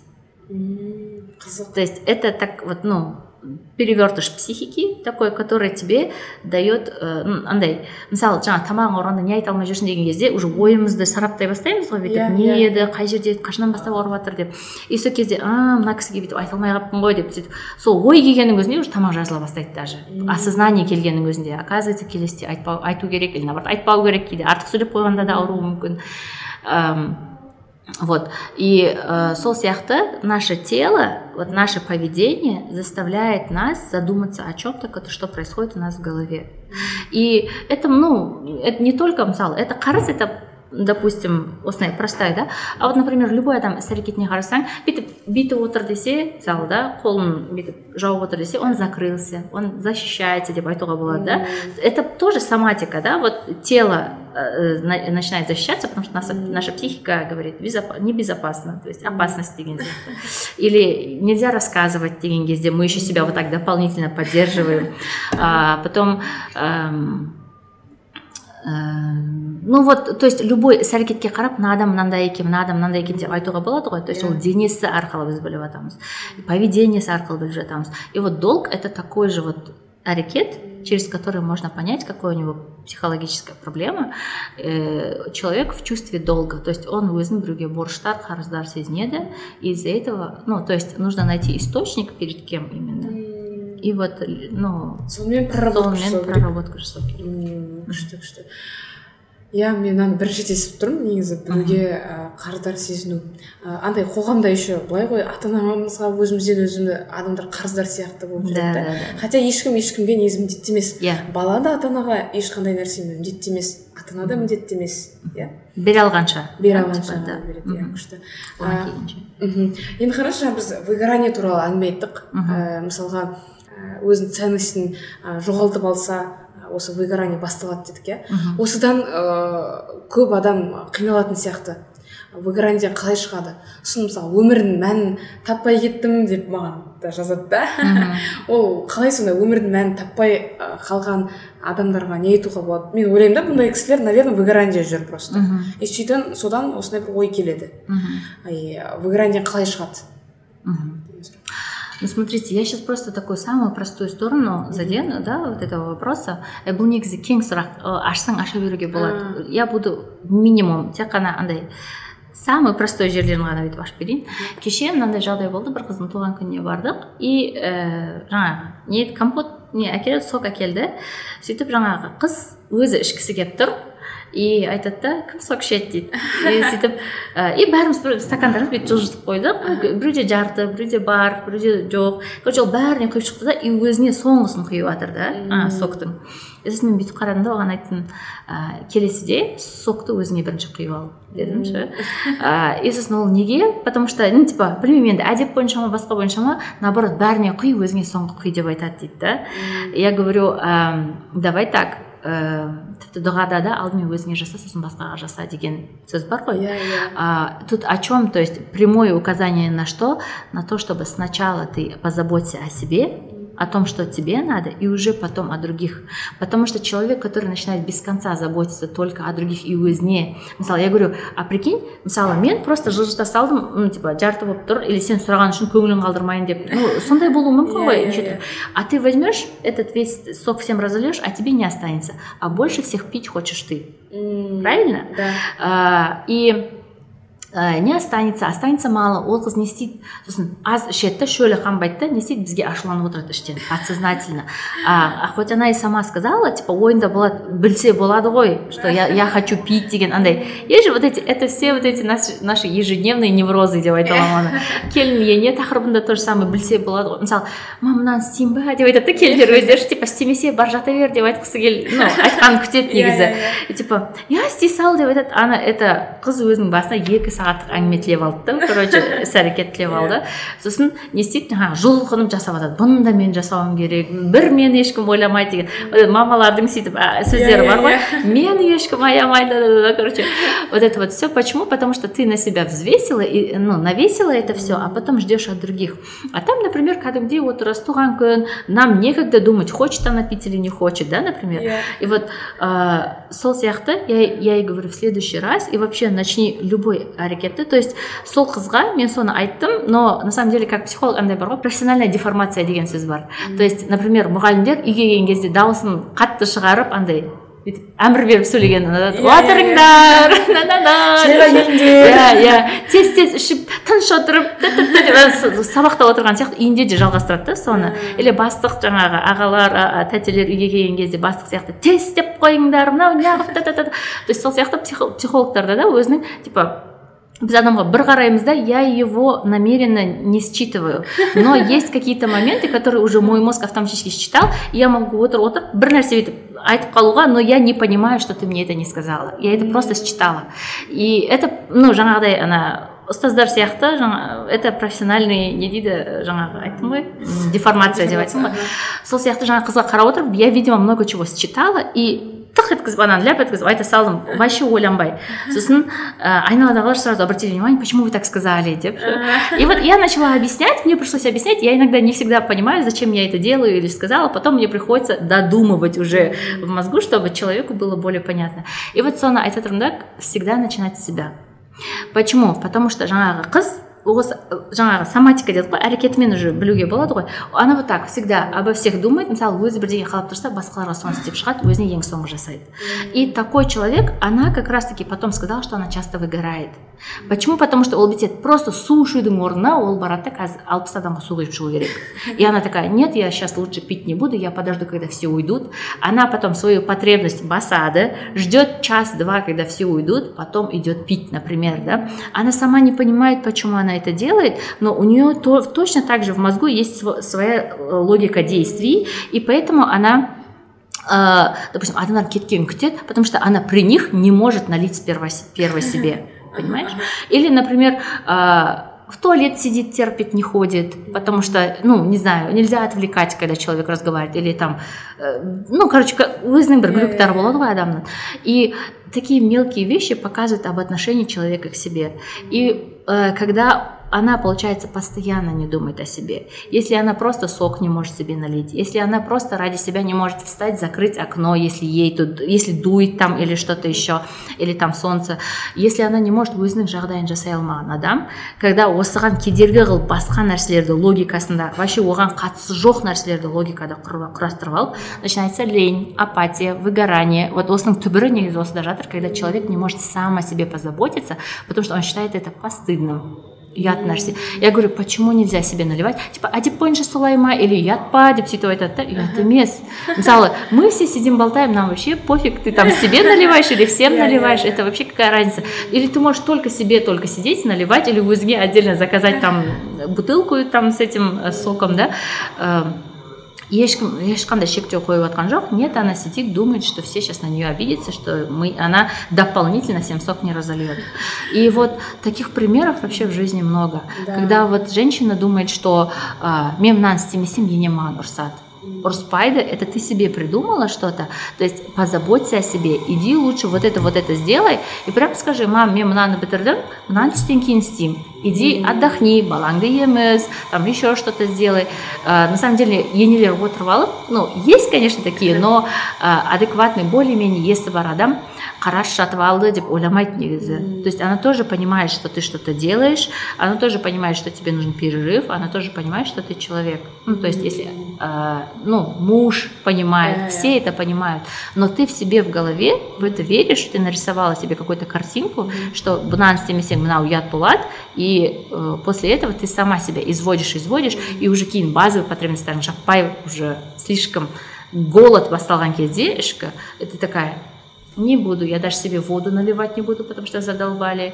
Я себе даже, э, не знаю, мыться не буду, потому что сейчас придется анан жусаң мынаны керек, мынаны бүйтсең бүйту керек. Вот эта странная логика начинается, которая, в которой нет никакой базы. Вот. Э, так что осы выгорание НТВ это э, неумение закрывать свои собственные потребности. Маленькие. Обычно маленькие. менің есімде есіме түсіріп отырмын да мысалға көбінесе аналарымыз қонаққа барған кезде де бірінші балаларына салады. Мысалға котлет пісіріп жатыр дейікші ең әдемі шыққан котлеттерді күйеуіне одан кейін балаларына бір күйіп қалған бүйтіп қалған шашырап қалған шашырап қалған иә. Соны теріп теріп өзіне салады да. Соңғысын иә соңғысын. Ыыы осы жерде басталады иә выгорание деген ше күшті күшті. Ыыы бізде егер аналар тыңдап отырса көбінесе аналардың мәселесі сияқты. тіпті баласы болса да өзіне бірінші дұрыс салу керек конечно обязательно. И вообще жаңағы психосоматикада әйел өзі ауырмаған нәрсені бала ауырып шығарады да. Почему? Потому что бұл жерде де бір ә, не хикмет жатыр деп айтайын. Потому что если ребенок заболеет мама оны алып шыға алады а если мама заболеет мысалы бес бала қалады да ана жерде понимаете? И э, легче какие то вот э, эмоциональные штуки пусть лучше ребенок перенесет который вот в поле мамы да чем мама заболеет и, и всем будет плохо понимаете?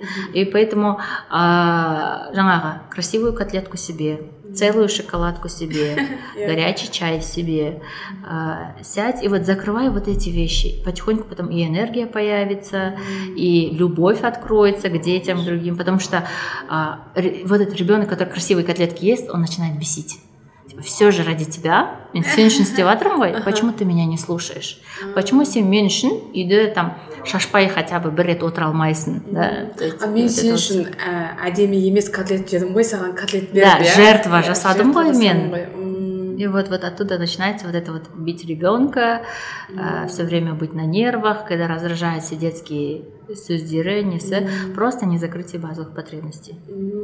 Қалай иә бәрі бір біріне байланысты иә күшті күшті ә, күшті бұл бізде табысты арттыру санадан деп аталатын? Бөлімнің ә, соңы соңғы сұрақ еді. Енді ә, келесі бөлім ішкі әлем. Ә, ішкі әлемді реттеуге қатысты. Ә, және біз жаңа ішкі әлемге сәл кірген сияқтымыз осы выгорание арқылы да. И жеке шекараны ә, қозғадық. Анау тақырыпта ше ктл баста. Мына жерге қиып тастаймын. Жеке шекараны мана бір қозғап кеттік. Ә, осы жеке шекараны қалай дұрыс қоюға болады мысалы адамдарға? Орысша айтқанда обидно болмас үшін. Иә. Мен мысалы істей алмаймын да оны ше. Мен так ананы әңгіме айтып кетемін өзіңіз қалайсыз деп сұрап кетемін да. Мысалы маған бір жеке сұрақтар қойылып жатқан кезде. Бірақ мен шынымен айтқым келеді. Ыыы сорри сұрамаңызшы маған мұндай сұрақ сізге қатысы жоқ. Сізге қатысы жоқ. Енді бірақ ұяласың да ұяламын да бір жағынан. Қалай енді адамдарға әлде бала кезден жеке шекараны құрметтеп үйрену керек пе? Оны қалай ұстану керек және адамдарға обидно болмайтындай өз орнымызды өзің оның өз орнын менің өз орнымды қойып беруге болады. Мхм. Ну смотрите сразу скажу сначала с первых слов жеке шекара границы всегда только в голове. Только в голове. а если у тебя в голове есть свои границы, то эти границы в жизни ешкім аттамайды и оны қорғауға ешқандай даже возможность туылмайды то есть если қажеттілік туындамайды вот вот да қажеттілік туындамайды потому что э, если у вас это спрашивают, значит, у вас в голове, типа, можно это спросить деген ой понимаете а, смотрите а, любой мысалы шекарасын мықты любой адамды айтыңызшы ну примерно да бастығым дей салсаңыз болады или там подружкам дей салсаңыз иә бастығым. Хорошо. Почему вы он она? Он. Он. Почему сіз оның жеке шекарасына кірмейсіз? Просто ваше собственное ощущение. Қорқамын неден? Ұяламын неден? Неге себебі айта салуы мүмкін. Нені? даже взглядом айта салады типа в смысле мхм да сондай болды а ол отырып алып сізбен тіресе ма типа а чего ты это спросила это же мое личное деп бүйтіп Нет, айтады жоқ, вот вот понимаете вот в этом проблема что на самом деле когда есть у человека границы это видно это понятно это чувствуется да да Э, и ты понимаешь что артық нәрсе істегенде айтып жатқан сәтте ой деп қалатының бар ғой ше иногда Иә, иә, мысалы иә. ше кешіріңіз артық айтып қойған болсам деп уже на месте өзің да ана адам саған замечание жасамай тұрып сен уже біліп тұрасың что артық кетіп қалғаныңды иә иә вот вот это и есть личные границы многие думают что личные границы это мен қазір жаңағы көкбеттеніп алып тұрып бетбақтанып тұрып қазір бәрімен ұрысып төбелесіп деген нет это не про это если тебе приходится көкбет болып защищать свои границы то как раз таки границ нет деген сөз понимаете это когда ты пытаешься вот и и от того что ты пытаешься тебе ну тебя никто всерьез таки так не воспринимает ұрыссаң да ұрыс какая разница деп отырады да адамдар Эм, э, я это к чему? К тому, что у нас в голове есть такое понимание вот здесь. Ну, типа, это ненормально. Например, э, если в Надежде, допустим, как-то так случилось, что мы с мужчинами сидим за столом и обедаем, да, например, не мой муж, а ну, где-то встретились, да, в моем понимании нет, что я буду платить. Понимаете? Этого нет вообще санамда жоқ если сидят мужчины и мы каким-то образом собрались там э, жаңағы коллегалар болсын жұмыс бабында болсын просто клиент болсын не знаю э, ну у меня просто в голове и ни разу не было такого чтобы человек сказал сіз төлейсіз ба или там қосылып төлейік там бірдеңе деген вообще ни разу вообще такого не было и ол адамның шамасы жетпесе ол каспи редпен барып төлеп жатады но у меня он не попросит понимаете а, то есть а, это о чем говорит? О том, что у меня в голове вообще нет понимания, что а, типа нет, да, да, что нет деген нәрсе бар, да. А, и этот человек никогда даже бүйтіп не намекнет мне на это, потому что у меня есть внутри вот это понимание. Если я знаю, что, а, например, со мной нельзя обсуждать какие-то вопросы, Э, если я понимаю, что это такие вопросы, которые таки так бәрі қойып қалуы мүмкін деген сияқты ше я просто говорю закрытые темы для меня вот это вот это вот это не обсуждаем деп я могу просто басно сказать не без этого ну, типа не без скандала не без ничего просто говорю я не хочу обсуждать вот эти темы. Никто даже а почему деп те сұрамайды понимаете потому что я так сказала. Вот. И личные границы, они всегда в голове. Если они у тебя в голове есть, а, если тебя, у тебя кто-то вот это спрашивает, а, то а, звоночек, значит, у тебя в голове у, у самой есть неопределенные, типа, с одним незнакомым человеком я могу обсудить замужество, а с тобой нет деген например у тебя есть там позволение какой-то бір андай ашық жері бар да понимаешь? Ага, да, да, да. допустим мы с тобой тоже не знакомы но со мной ты можешь обсудить например свое замужество там или что-то еще да? Ага. А, но с другим человеком нет. Ты э, или э, Избирательно. да, или, или вот или дай себе вот здесь команду, что избирательно с тем, с кем я захочу. Деген команданы қойған кезде другие люди, с которыми ты не захочешь обсуждать, и тебя даже эту тему трогать не будут. Это вообще такая, ну, волшебство какое-то на Иә, самом иә, деле. негізі. Да, магия сияқты иә. Просто в голове поставить эту штуку. М, И все. ал а, осы жеке шекара бала кезден бастала ма қайдан басталады А, жеке шекара примерно үш жастан басталады Э, кризис трех лет как раз для этого когда ребенок начинает отделяться от мамы. А, и ребенок это отделяется и просто мама қарсы шыға бастайды. Вот мамалар бар болса біледі типа же десе жемеймін іш десе ішпеймін отыр десе отырмаймын жат десе жатпаймын. Просто у них задача мамаға қарсы шыға салу. Любой нәрсеге. Қарны ашып тұрса да жемейді. Ол мама айтқан үшін жемейді. Айналып келіп тамақ сұрауы мүмкін например. И тут родителям важно понимать что это период такой нужный. почему потому что ребенок до этого был мы то есть а- мамалар да айтады ғой типа біз іштік біз отырдық Иә, біз иә, қыдырып иә. келдік деп ше. почему она это говорит мы потому что они действительно в слиянии находятся пока с ребенком примерно до трех лет в три года когда он начинает отделяться от мамы эм, мына ажырау процесі басталғанда а он хочет понять вот это мама а вот это я вот это мама хочет а это я хочу дегенді и раньше мама оны мысалы в любой момент могла жатқызып ұйықтатып тастауға любой момент могла ә, аузына ә, тамақ тығып тығып қазір қарның ашады деп ашпаса да жегізе беруге да. Ә, в три года уже начинается нет мам я не буду я все, не что хочу. ты хочешь, да, все, что ты хочешь, я не буду. И вот это вот отделение басталған кезде, там ребенок начинает чувствовать свое тело. Как раз это в сексуальном развитии, это анальный период бастала, то есть уже ближе к э, половым органам, короче. Ну, вот это такое вот полностью такое формирование личности бастала, да. М. И в кезде э, вот как раз-таки начинается мое, ну, мое раньше начинается, но осознанно уже начинается, э, вот в три ребенок может сказать, моя вещь, не отдавай, я не хочу делиться. Вот это вот мое басталған кезде нужно вот проявить уважение к хорошо ну типа білесің ғой уже Иә, я десе иә. жоқ дейтін біліп тұрсың ғой Иә. мысалы бер десе бермейтін бермей ақ қой десең беремін деп шығуы мүмкін то есть Иә, м, керісінше сөйлеп кішкене өзіңе керек нәрсені солай жасатып алуға болады но с пониманием того что это ребенок э, он не специально тебя злит он отделяется Вот когда у тебя есть вот это понимание, вот эти, что үш жасында это бесит, бесит нереально вообще, когда она бала вначале такой ручной и классный, а тут резко такой не классный, и этот, э, капец это бесит. Сонда осы үш жастан бастап баланың ә, хотелкаларын дейік иә құрметтей білу керек. Құрметтей Э, білу сол керек. да, это какой-то шекара- период, да, вот этот период, сол кезде жеке шекара не қылады, э, Қалыптасады. да, мое қалыптасады, мое тело деген қалыптасады, вот содан кейін уже можно, Иә, иә, да. және исламда да ә, бар ғой сіздің сторисіңізден көргенмін тоже. Ә, пайғамбарымыз саллаллаху әрбір балаға жеке бөлме болу керек. Иә. осы үш жастан бастап иә? Нет, үш жастан емес. Жеке бөлме ә... так вообще негізі жеке бөлме мәселесі бізде вообще страшно.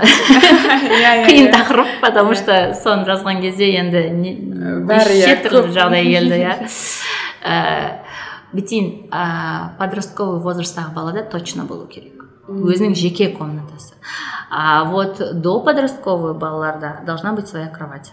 С трех лет примерно с двух трех лет. Күшті күшті жақсы. Бұл өзінде исламмен де психологиямен де яғни ұштасқан Мгм. нәрсе ғой. Да. дұрыс күшті.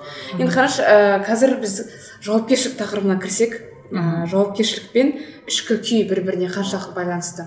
Ә, ішкі күйі қалыпты адам ғана жауапкершілік ала ала ма?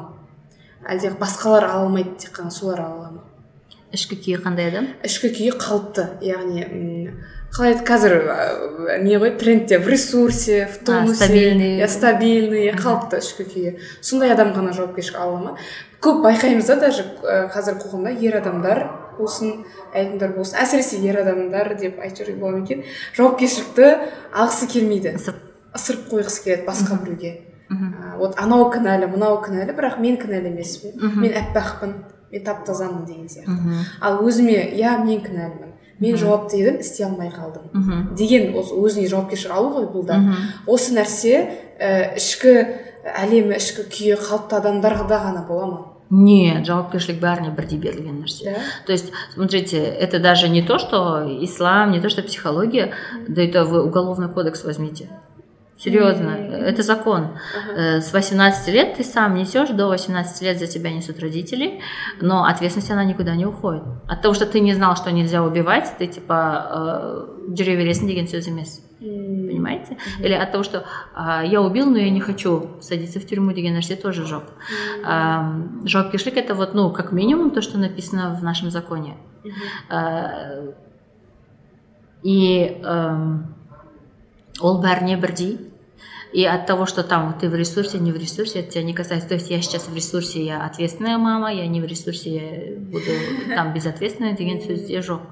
А, Ответственность, она всем дается сразу, с рождения, наверное.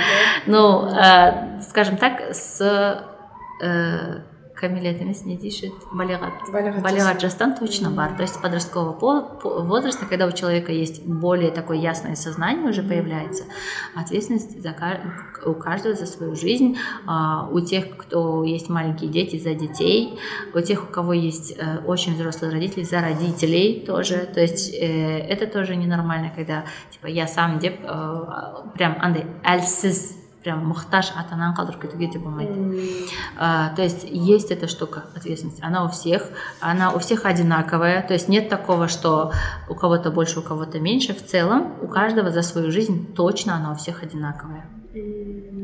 Вот. А уже ортақ нәрселерге оны уже можно э, там, ну, в зависимости от ситуации распределять. Иә күшті. Да. ал кейбір адамдар жауапкершілік алудан қорқып жатады ғой. Мгм. ә, мысалға тұрмысқа шығудан қорқуы мүмкін или үйленуден қорқуы мүмкін. Неге себебі ол жақта жауапкершілік бар ғой? Иә қорқады да ол неден? Мы вчера как раз тоже с девчонками обсуждали, ведь это машина, машина алған қыздар сөйтіп что-то бірді поцарапали, короче, сол проблема болып сөйтіп айтады да машинаң болған күшті ғой қолданған күшті бірақ проблема басталғанда ужас деп сөйтіп айтады да. Я говорю а так совсем в жизни А, то есть например а, өзің болған күшті күйеуің болған күшті а потом в- проблема в личной жизни начинается ужас болады да баланы болған күшті классно когда он улыбается а потом проблемы ужас то есть вообще все на свете у нас пока не начинаются проблемы болған қалаймыз а потом когда начинается проблема мы такие ужас деп шығамыз да и это совсем абсолютно и я считаю что оның болмағаннан болған дұрыс то есть машинаның болғаны дұрыс правильно Иә, иә. баланың болғаны дұрыс Иә. семьяның болғаны дұрыс любой нәрсе болғаны уже артықшылық қой уже Иә. ну то есть это плюс всегда. Конечно у этого плюса есть какие-то воз- сложности минус а, и а, честно идешь дальше. Это жизнь это ну такая штука. Все и соответственно жаңағы жауапкершілік алуға қорқамын өйтем бүйтем ну ну не живи тогда.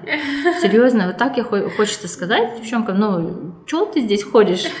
Э, иә өмірдің өзі жауапкершілік қатты айтатыным бар қазір соған келе жатырмыз деп па айта беріңіз айта беріңіз нет наступит момент когда я себя не могу уже сдержать.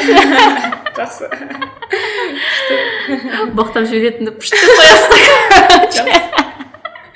мен сіздің стористеріңізді қарағанды жақсы көремін да содан ше андай айналдырып алып келмейсіз тарс еткізіп осылай беттен шапалақ сияқты же сол аха вот так что ну если боишься ну андайда все хотят только красивую часть машину только водить хочу когда классно а вот ухаживать за ней никто не хочет когда ее стукнет там брать ответственность за других людей никто не хочет там чинить чужую машину и так далее. Это все в жизни точно так же. Все в жизни точно так же. С ребенком также, когда он розовый, улыбается, красивый такой, классно, а когда плачет всю ночь, когда болеет, да, например, э, с женой, с мужем, классно, когда вы друг другу подарки дарите конфетно-букетные, а когда вот кризисы начинаются в отношениях. То есть это все точно то же самое. То есть нет ничего в жизни, где все только розовое. Одиночество тоже то есть жалғыздық аллаға жарасады дейді ғой жалғыз жүрсең то есть белгілі бір уақыттан кейін уже смотришь на людей өмірден түңіліп уже хочется кого-то рядом деп айтады да. Ә, ну барлық нәрсенің өзінің ә, да шегі бар Шегі бар, шегі бар да. То есть и ответственности можно бояться и, и, а, ничего не делать а можно бояться и делать. Понимаешь? То есть можно бояться и купить машину, и водить, и, и может с тобой даже ничего не случится. Ну, то есть ты аккуратно будешь водить, и все классно. То есть не обязательно, что ты там в жизни там 40 раз стукнешь деген нәрсе жоқ. Может быть, именно ты окажешься тем единственным, который никогда не стукнет в машину. Күшті. Да.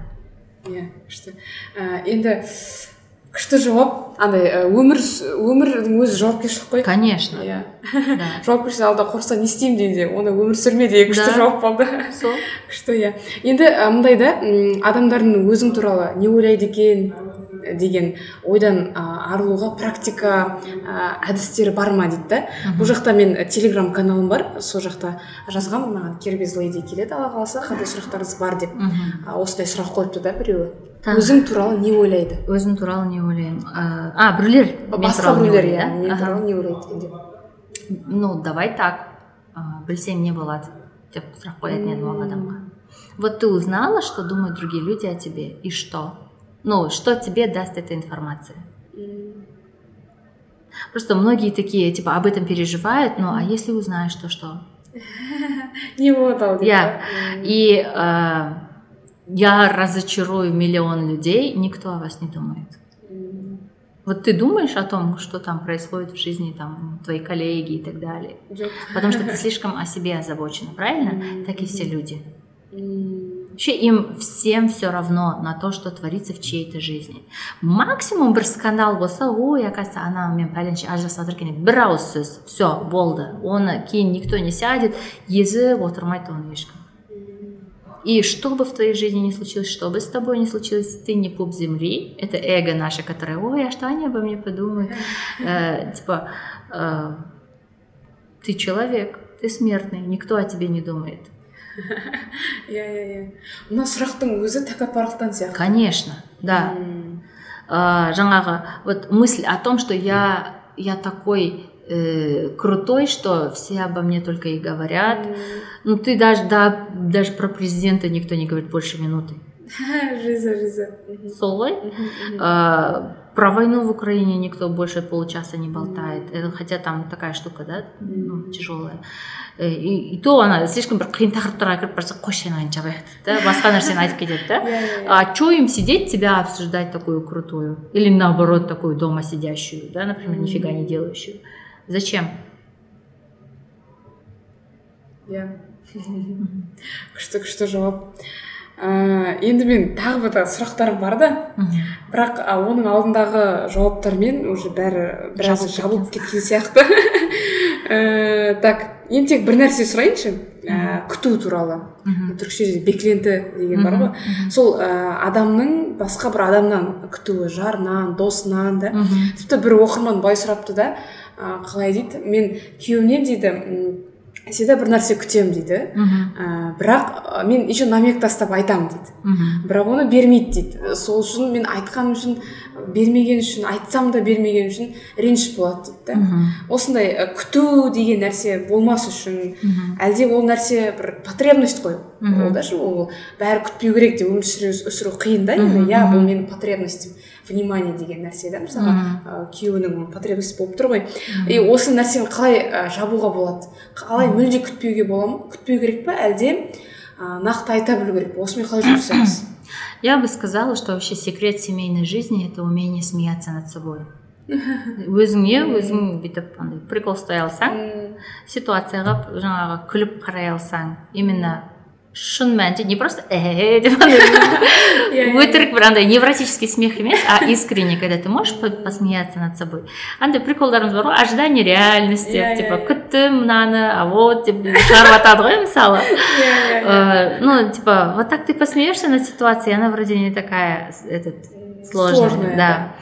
А, на самом деле, э, согласна, да, а, ожидание всегда бывает. То есть, например, даже я сюда иду, я могу ожидаю, может быть, бүйтіп күтіп аламын бүйтіп күтіп аламын деп. то есть нет любой адам бір ойы болады ну о чем-то то есть э, это делает наша психика чтобы готовить нас к процессу естественный нәрсеге это э, ожидание или там предугадывание деп айтайыншы каких-то возможных событий э, там э, это нормально. Нормально. Но а, когда этого не получается, то есть э, делаешь вывод, идешь дальше. То есть ты поняла, что э, ну сенің күйеуіңе бұл метод жүрмейтінін түсіндің ну зачем ты его без конца туда капаешь вообще вопрос у меня туда зачем ты без конца ожидаешь зачем ты без конца говоришь и зачем без конца обижаешься то есть эм, делая действия одинаково ты ждешь других результатов ну не знаю білмеймін теркаға етті өткізе алмаймыз ғой оған типа әрекет жүрмеді басқа инструмент, керек оған пышақ керек шығар оған мясорубка керек шығар деген сияқты а, и от этого ты ну тогда ты получишь фарш а вот делая какое-то другое действие оған не соответствует сәйкесі жоқ бір какой то қатысы жоқ бір действие жасап ананы типа болмады келмеді не получается деп жылау біртүрлі да понимаете это вот человек просто на самом деле вот этот вот когда задают такой вопрос, что типа у меня постоянное ожидание от мужа, он мне не дает, а я обижаюсь, это про то, что э, я жду, что когда-то вот этот муж мне станет папой, который э, будет все делать так, как будто я лялечка маленькая, и он будет обо мне так заботиться, и мен айтқанымды бір дегенде істеп қояды, то есть такой дрессированный мужичок у меня будет. Um, но я железобетонную гарантию даю, что когда у тебя будет дрессированный мужичок, ты от него уйдешь. Это будет э, ну, тебе неинтересно, потому что тебе надо другого найти, чтобы подрессировать. У человека внутри есть такая вот потребность к этому, понимаете? А, и тут дело не в мужике, который что-то делает, а, дело вот в, во внутреннем состоянии этого человека. Хочется, а, хочется пострадать. Хочется сказать, типа, а мен айтам сонда, да нет, понимаете, да. А я, я вот, э, ну вот хочется внутри вот это все поковыряться, вот и всем людям рассказать, как там у тебя все плохо привычка страдать у человека прикол ондай да болады ондай да болады и их очень много очень много и ә, мысалы мен бұны әйел ретінде айтып жатқан үшін ә, люди меня слушают прислушиваются я говорю такие вещи открыто если осы нәрсені ер психолог айтса он жеп қоятын еді в смысле деп а олар айта алмайды ну почему потому что они такие ну более бережно надо говорить не ойлайды да я говорю как есть. Ә, Надеюсь, жизнь деп кто-то примет на свой счет и наконец это ну, решат эту проблему. А, так, қанша примерно адам тыңдайды сіздің подкастты төрт мыңнан он екі мыңға дейін. О круто. Можно осы жерде мен тағы бірдеңе айта кетейінші? Мен өзімнің болімді деп па? А, бәрі маған бүйтеді қазақша орысша араластырмай сөйлеші ол не деген тіл? Тебе сложно меня слушать? Мен осылай айтқан кезде.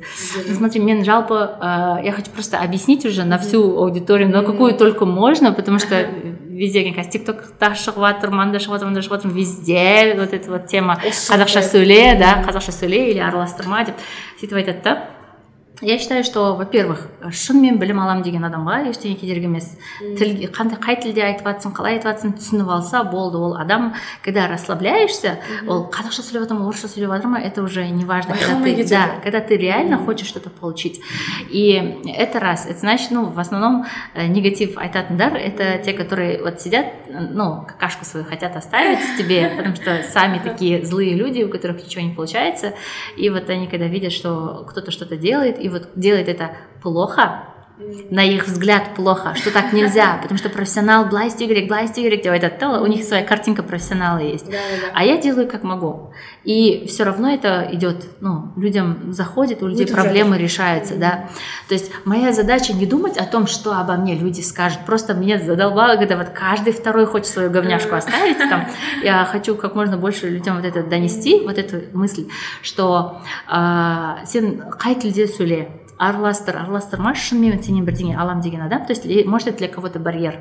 ә, сенен бірдеңе алам деген адам ол қарамайды сен қай тілде сөйлеп жатрсың сен араластырасың ба араластырмайсың ба түрі қандай мұрны қандай ештеңеге қарамайды. Yeah. он на самом деле өзіне мындай пайдасын алып алады. Все сол ғана это раз. Во вторых мен ыыы андай жаңағы орысша оқығанмын но все равно э, жаңа елім ә, жерім деп жүрген адам болғандықтан я вижу очень много именно казахоязычный қыздар которые ә, вот қиналады осы тақырыпта. Потому что орыс тілді ақпарат бұл туралы өте көп. Ә, психологтар да бұл туралы көп айтады. Вообще жалпы ізденемін деген адамда уже бәрі бар.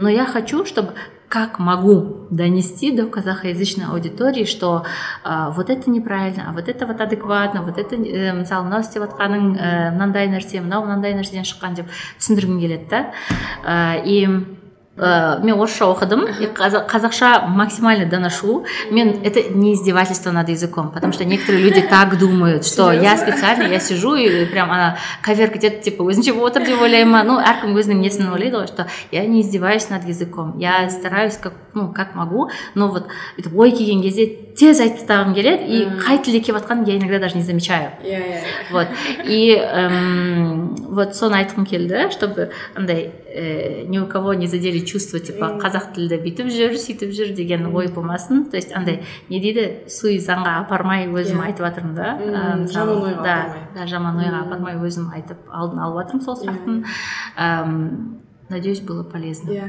күшті күшті. Ә, менде тағы бір сұрақ қалып қойды да. Да да да. Ә, қарашы ә, осы менде подкаст нәзік әлем деп аталады. Бастапқы ә, ниетім қазір де ниетім сондай ә, қыз балаларға көмектесу дамуына рухани және тұлғалық. Бірақ андай ә, аудиториясы қазір кең дамып кетті да. Қазір қараймын процентаж. Ер адамдар да ә, ер адамдар мен әйел адамдар арасы тең. Мгм. а, дегенмен осы подкаст нәзік әлем болғандықтан осы сұрақты енді кө- ешкімнен сұрамаппын бірақ сізден сұрағым келіп кетті да. Ә, женственность туралы. Бұл нәрсе не нәрсе? Қай жақтан шығады Давай бұл, сөз тіпті аударылмайды қазақ тілге ше Иә, иә, иә. аударылмайды. Қызық Так, ұғым ше. давай так. Как ты понимаешь женственную женщину, девушку, человека? М, күшті сұрақ. Давай. мен мысалға өзім ә, әркез күліп жүретін өзінде энергиясы бар және оны сыйлай алатын. То есть подарить дарить ете алатын Мгм. а, қыз баланы солай санаймын. А, Она такая, я так понимаю, она легкая, да? она легкая да Так, с ней легко общаться. Да. Она такая, ахаха. да да Скорее всего, в розовом платье, да, такое, которое летающее, такое нежное розовое платье, такое. Э, Это не девушка, а облачко какое-то, прям, да, вот такое. Э, Но, э, да, это тоже женственность. Давай тоже девайтай. М. Это тоже женственность, это какая-то часть.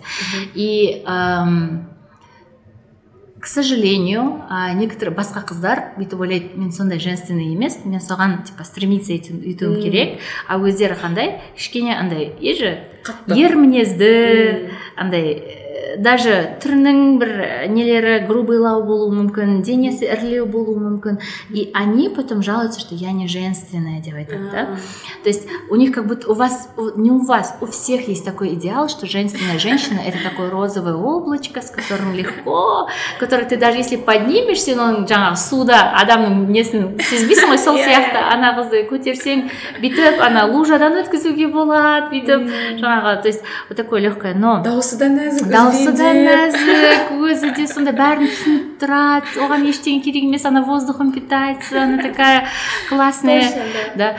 Но а, проблема в том, что а, женственность это не про вот этот вот образ. Вот это вот образ это корявый образ женственности, неправильный образ, потому что а, да, такие люди есть, но вот это вот, знаешь, это девочка до пяти лет, которую ты описала. Да. Да. Девочка до пяти лет, которую шынымен оңай көтере салуға Иә. болады любой іс әрекеті тәп тәтті сөйлегенде тәтті істегенде тәтті сұрағанда тәтті. Ол типа айтқанның бәрін бүйтіп прям бас- да тәтті басыңа отырғызып алсаң ешкім ештеңе демейді саған Иә, ондай иә, қызды шы Э, типа вот это образ девочки до пяти лет. И э, стремление к такой женственности это стремление к инфантилизму на самом деле это нездоровый образ нет да э, можно временами быть такой но постоянно это невозможно это даже нездоровая девочка деп айтар вот эта женственная девочка на ней есть ответственность какая-то ты мне скажи ә, мендегі образда иә бар қай жағында бірақ тек өз істеріне ә, басқаларға жауапкершілік алмайтындай так басқалар это например ата анасы бауырлары болуы мүмкін. Мхм. ол оған жауапкершілік алғысы келмейді менің образымда так ол қыз онда не істейді? Жұмыс істей ма? Жұмыс істейді иә. Скорее всего істемейді. Обычно істемейді. Жақсы. Өзімен өзі болып иә, жүреді потому что если она если она такая легкая и женственная ну то есть э, у нее есть ресурсы на себя, на работу как будто у нее нет ресурсов сияқты андай ну типа она сидит дома занимается собой mm-hmm. типа вот сондай ғана адам сияқты mm-hmm. смотри женщина она разная у нас очень много разных проявлений mm-hmm. и каждая она классная по-своему mm-hmm. вот есть девочки айтишницы да. такие, ну, классные, офигенные, я вообще люблю. А, они такие умные, у них все четко по полкам. Они, ну, обычно полуспортивно одеваются как-то. А, волосы не такие длинные. А, и андай все по логике болғандықтан не то нәрсе айтсаң бүйтіп қасын бүйтіп көтеріп қойып тұрып жаңағы вот деген сияқты өйтіп тұратын қыздар бар ғой то есть разве они не женственные они очень женственные а даже в мужской одежде они очень мило выглядят. Ну как, ну вот худи, толстовка, одевает да, они очень мило выглядят. Они, а, и, они очень, ну, классные женщины. Есть девуч, девушки такие крупненькие, которые андай не ну денелі кішкене салмақты то есть но они тоже по-своему женственные то есть каждое проявление женщины в любом формате оно женственное и оно женственность это состояние внутреннее, когда ты чувствуешь себя женщиной. Это не обязательно вот этот вот легкий такой вот образ пятилетней девочки. Нет, это когда ты внутри понимаешь, что ты женщина.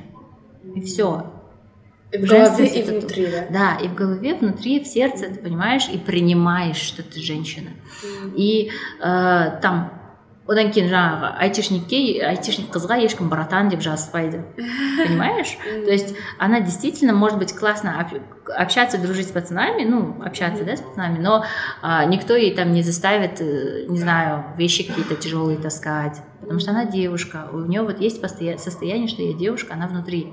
И для этого не обязательно вот эти розовые платья или там какие-то там кудряшки, это не обязательно. А, потом, допустим, эта девочка, представь, что вот эта женщина вышла замуж, твоя розовая облачко, и родила. Что она будет делать? Вот про, если вот мы про классическую девочку да. она бала бала көтере алмайды ана баланы не қыла алмайды ары қарай баға алмайды да өсіре алмайды то есть жеткізе алмайды вот это вот классическая женственность да вот которую вот дурацкую которую мы понимаем. Потому что когда э, жаңағы мать это материя деген сөзден шыққан да? Материя это материальное то есть это все физическое. Когда женщина рожает она становится ближе к материи к материальному. А, потому что уже бала бар баланы жеткізу керек а оны жеткізу керек қалай максимальный ресурстармен ну ресурс это как минимум деньги. Это время, это власть, это авторитет. И сол нәрсеге уже когда женщина, которая родила ребенка, она будет мужа толкать в эту сторону развивайся, зарабатывай, э, там, расти в карьерном росте. То есть вот все, потому что это все будет ресурс для моего ребенка. ертең жаңағы абай сияқты ә, ақылды тұлға мықты біреу чтобы он не отвлекался на вот эти базовые потребности чтобы он мог развиваться ну типа біз істегеннен артық жасай алсын деген оймен и вот мать которая родила она надо будет за ребенка подерется төбелескіш болуы мүмкін она может быть надо будет там за памперс всем там ну, короче, да, права свои прокачает. Она там, при если... этом оставаться Да, при этом оставаться женщиной, понимаешь? То есть э, убираем вот этот образ дурацкое розовое облачко. Да, это тоже есть, э, не исключаем. Есть такие девушки, но э, им потом после рождения ребенка они меняются. Просто потом такие девчонки приходят и говорят, Салта, я была такой женственной, а была тут, да, я такая ведьма стала, да? Mm-hmm. То есть, или там, материнство меня изменило, конечно, оно должно было тебя изменить. То есть э, для того, чтобы вы, вырастить вот такого ребенка, вообще негізі бала ә, бүкіл ә, тірі жанның әлемдегі тірі жанды алатын болсақ всех животных да ә, ішінде самый неприспособленный именно адамның баласы. Например жаңағы ана ә, нелер антилопалар сразу жүгіреді дейді астынан жаңағы шыға салып жүгіреді дейді олар қашуға дайын дейді да. То есть вот эти львы нелер тоже андай так или иначе зубики есть когти есть короче көзі ашылған балапан да бірден да да иә аяғына тұрып сразу шұқи бастайды даже білмесе де дейді да сол сияқты а именно человеческий детеныш нам нужно очень много времени чтобы его в сознание привести чтобы он начал на ножках ходить чтобы он начал э, что-то добиваться делать говорить. и говорить рассказывать а потом еще и он он тоғыз жиырмаға толса да сөйлей алмайтындар бар то есть ну сөйлей алады но біреуге айта алмайтындар бар деген сияқты то есть у нас развитие идет всю жизнь мы самые не приспособлены и для этого у нас должна быть мама которая ну нас перед всем миром отстоит, нас будет держать в безопасности, надо будет подерется, надо будет э, қорғайды қорғайды надо будет там последний кусок у кого-то заберет тебе отдаст то есть вот такая вот наглая баба такая и это нормально то есть это естественно поэтому женственность она просто ощущение себя женщиной я бы вот это сказала күшті күшті өзін әйел ретінде сезіну да соны қабылдау ішкі күй иә да Күшті күшті. Ә, енді біздің сұрақтарымыз барлығы аяқталды. Ә, ішкі бөлім ә, ішкі әлемге яғни тереңдеу одан кейін табыс арттыру байланысында ә, сұрақтар болды ғой. И ә, бір нені қозғағым келіп тұр. Сіздің қатты неңіз ұнап қалды да бір сөзіңіз фразаңыз. Қазір айтамын осы фраза кәдімгідей ә, жиі айтамын да өзім емес сіз оны бір бір ай бұрын ба ә, сторисіне салдыңыз. Аллахым я прыгаю а ты лови. Да? күшті сөз машалла қайдан келді бұл сөзге идея? Не помню. Бір жақтан келді бір жақтан келді күшті. Және бір соңғы жақта бір пост салдыңыз ғой қызыл туфли туралы иә? Да да осы соңында осымен аяқтадыңыз иә? Күшті. Ыыы шынымен де оқырмандарымызға пайдалы болды деп олар секірсе алла тағала ұстап алатындай бір состояниеге ойға келді деп үміттенеміз. Бұл айдар аяқталды. Енді бізде бір айдар бар етін ә, күтпеген сұрақтар блиц сұрақтар айдары. Ә, оны ұзақ та қысқа да жауап берсеңіз болады. Негізі қысқа сұрақтар. Ә, бірінші сұрақ арманыңыз қандай? Я научилась ставить краткосрочные армандарды ну конечно енді мұсылманның арманы жәннат қой енді это само собой так вот глобальное да. А вот э, скорее арман емес қалау деп айтайын я себе э, с тех пор как я поняла что можно любой арман орындауға болатынын түсінген кезде я себе просто ставлю очередные цели. Mm. uh, например в данный момент цель это қажылық үлкен қажылық. Вот. Умраға барып келдім көрдім. Жасай алады екенмін күшті екен вот. Сіз екі рет барып келдіңіз? Бір рет. А бір рет па? күшті күшті. Да. И вот теперь үлкен қажылыққа барғым келіп тұр. Там кажется ну вообще рухани ну, вообще другой мир другое состояние вообще круто. Иә барғандардың бәрі айтады да? Мен түсіндіре алмаймын депші бірақ күшті деп сөйтіп айтып жатады. Иншалла нәсіп болсын тыңдап, тыңдап жатқандарға да сізге де бірінші нәсіп болсын. Ә, екінші сұрақ ә, барлығына бірдей қандай сыйлық берер едіңіз вот представьте жеті миллиард адам барлығына бірдей бір сыйлық беру мүмкіндігіңіз бар. Ой. Не сыйлар едіңіз? Я вообще, знаете, э, э, мой язык любви подарки. Mm. Я люблю дарить подарки, я люблю получать подарки. Mm. И я когда дарю кому-то подарки, я прям заморачиваюсь, я прям думаю, что этому человеку подарить. Mm. Если я не нахожу, то обычно деньги. Акшалай силаем, лучше думаю, что человек пусть что-то полезное себе купит, чем какую-то фигню, которую я ей дам. Ну, если была возможность, ну, именно подарок Силанга, Дед Я, наверное, все равно запарилась бы, имеется подумала бы, что хотя бы там мемлекеттерге бөліп қазақстандықтарға мынаны берер едім бірақ сонда қазақстандықтарға деп бөлейікші давай так қиын болып кететін сияқты сізге. Қазақстандықтарға ақша керек қой негізі всегда. Ақша бермеңіз. Нет бірақ бәріне бірдей ақша беруге болмайды. Да? Онда не ақшаны нужно зарабатывать. Ну как еңбекпен табу керек. Мені, наприклад, консультацію дописаєш. Ні, ні, я бы всем подарила путевку за рубеж.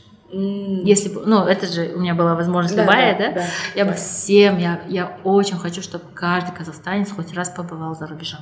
өзі қалаған мемлекет өзі қалаған любой жерге мне кажется вообще даже қажылықты парыз етіп қойды аллах тағала для того чтобы люди из своего дома выходили именно елінен тұрған жер ну тұрақты мекеннен шығып бұрындары еще жаяу баратын ғой қаншама мемлекеттен өтіп ана адамның сознаниесі миллион рет ауысып еще сол жерге барып қажылыққа барып жаңағы умраға барып жаңағы несін жасап ә, бүкіл құлшылығын. жасап қайтып келгенде уже басқа адам и уже үйге келгенде вообще это ну два разных мира. Ә, я считаю и мынандай хадис естідім ғой типа ә, мағынасы мынандай типа путешествуйте и сахат болурсунуз дейді ғой түркше типа сахат деген сөз былай кең ә, мағынада ә, типа саламат дейміз ғой біз саламатсыз ба дегенде Иә, иә. кең мағынада айтамыз ғой оны не Иә. только денсаулық қана емес именно жалпы общее состояние дейміз ғой улучшается общее состояние так вот ә, я бы наверное хотела бы чтобы все люди хоть раз в жизни попутешествовали где күшті күшті мына ой өте күшті идея екен. Ә, бес парыздың ә, біреуі ғой қажылық. И ол бекерден бекер емес сыртқа Иә, шығып келу иә, да сыртқа. мысалға ә, просто так үйде мысалы осынша рәкат намаз оқысаң қажылықты өтейсің емес Иә, кәдімгідей иә, иә. барып меккеге барып қажылық ету. Бір хикметі бар дейсіз ғой иә сыртқа шығудың машалла күшті. Ә, енді үшінші сұрақ мынадай ә, бүгін соңғы күн десе күніңіз қандай қалай өтер еді? Ой. Ну, с детьми, наверное. Я бы, наверное, аманаттарды раздала бы дома с семьей. В блоге бы попрощалась. Ну вот, да, наверное, больше вот с любимыми. Вот. күшті енді келесі сұрақ тоже. Қызық жеті миллиард адам бар ғой. И бәрінің телефондары бар қазір. И сіз хат жібересіз бәріне бірдей келеді бірдей хат. Сіз оны жіберетін де сіз. Қандай сұрақ қояр едіңіз? Ой сұрақ қояр едіңіз говорю қандай хат жіберер еді- едіңіз. Э,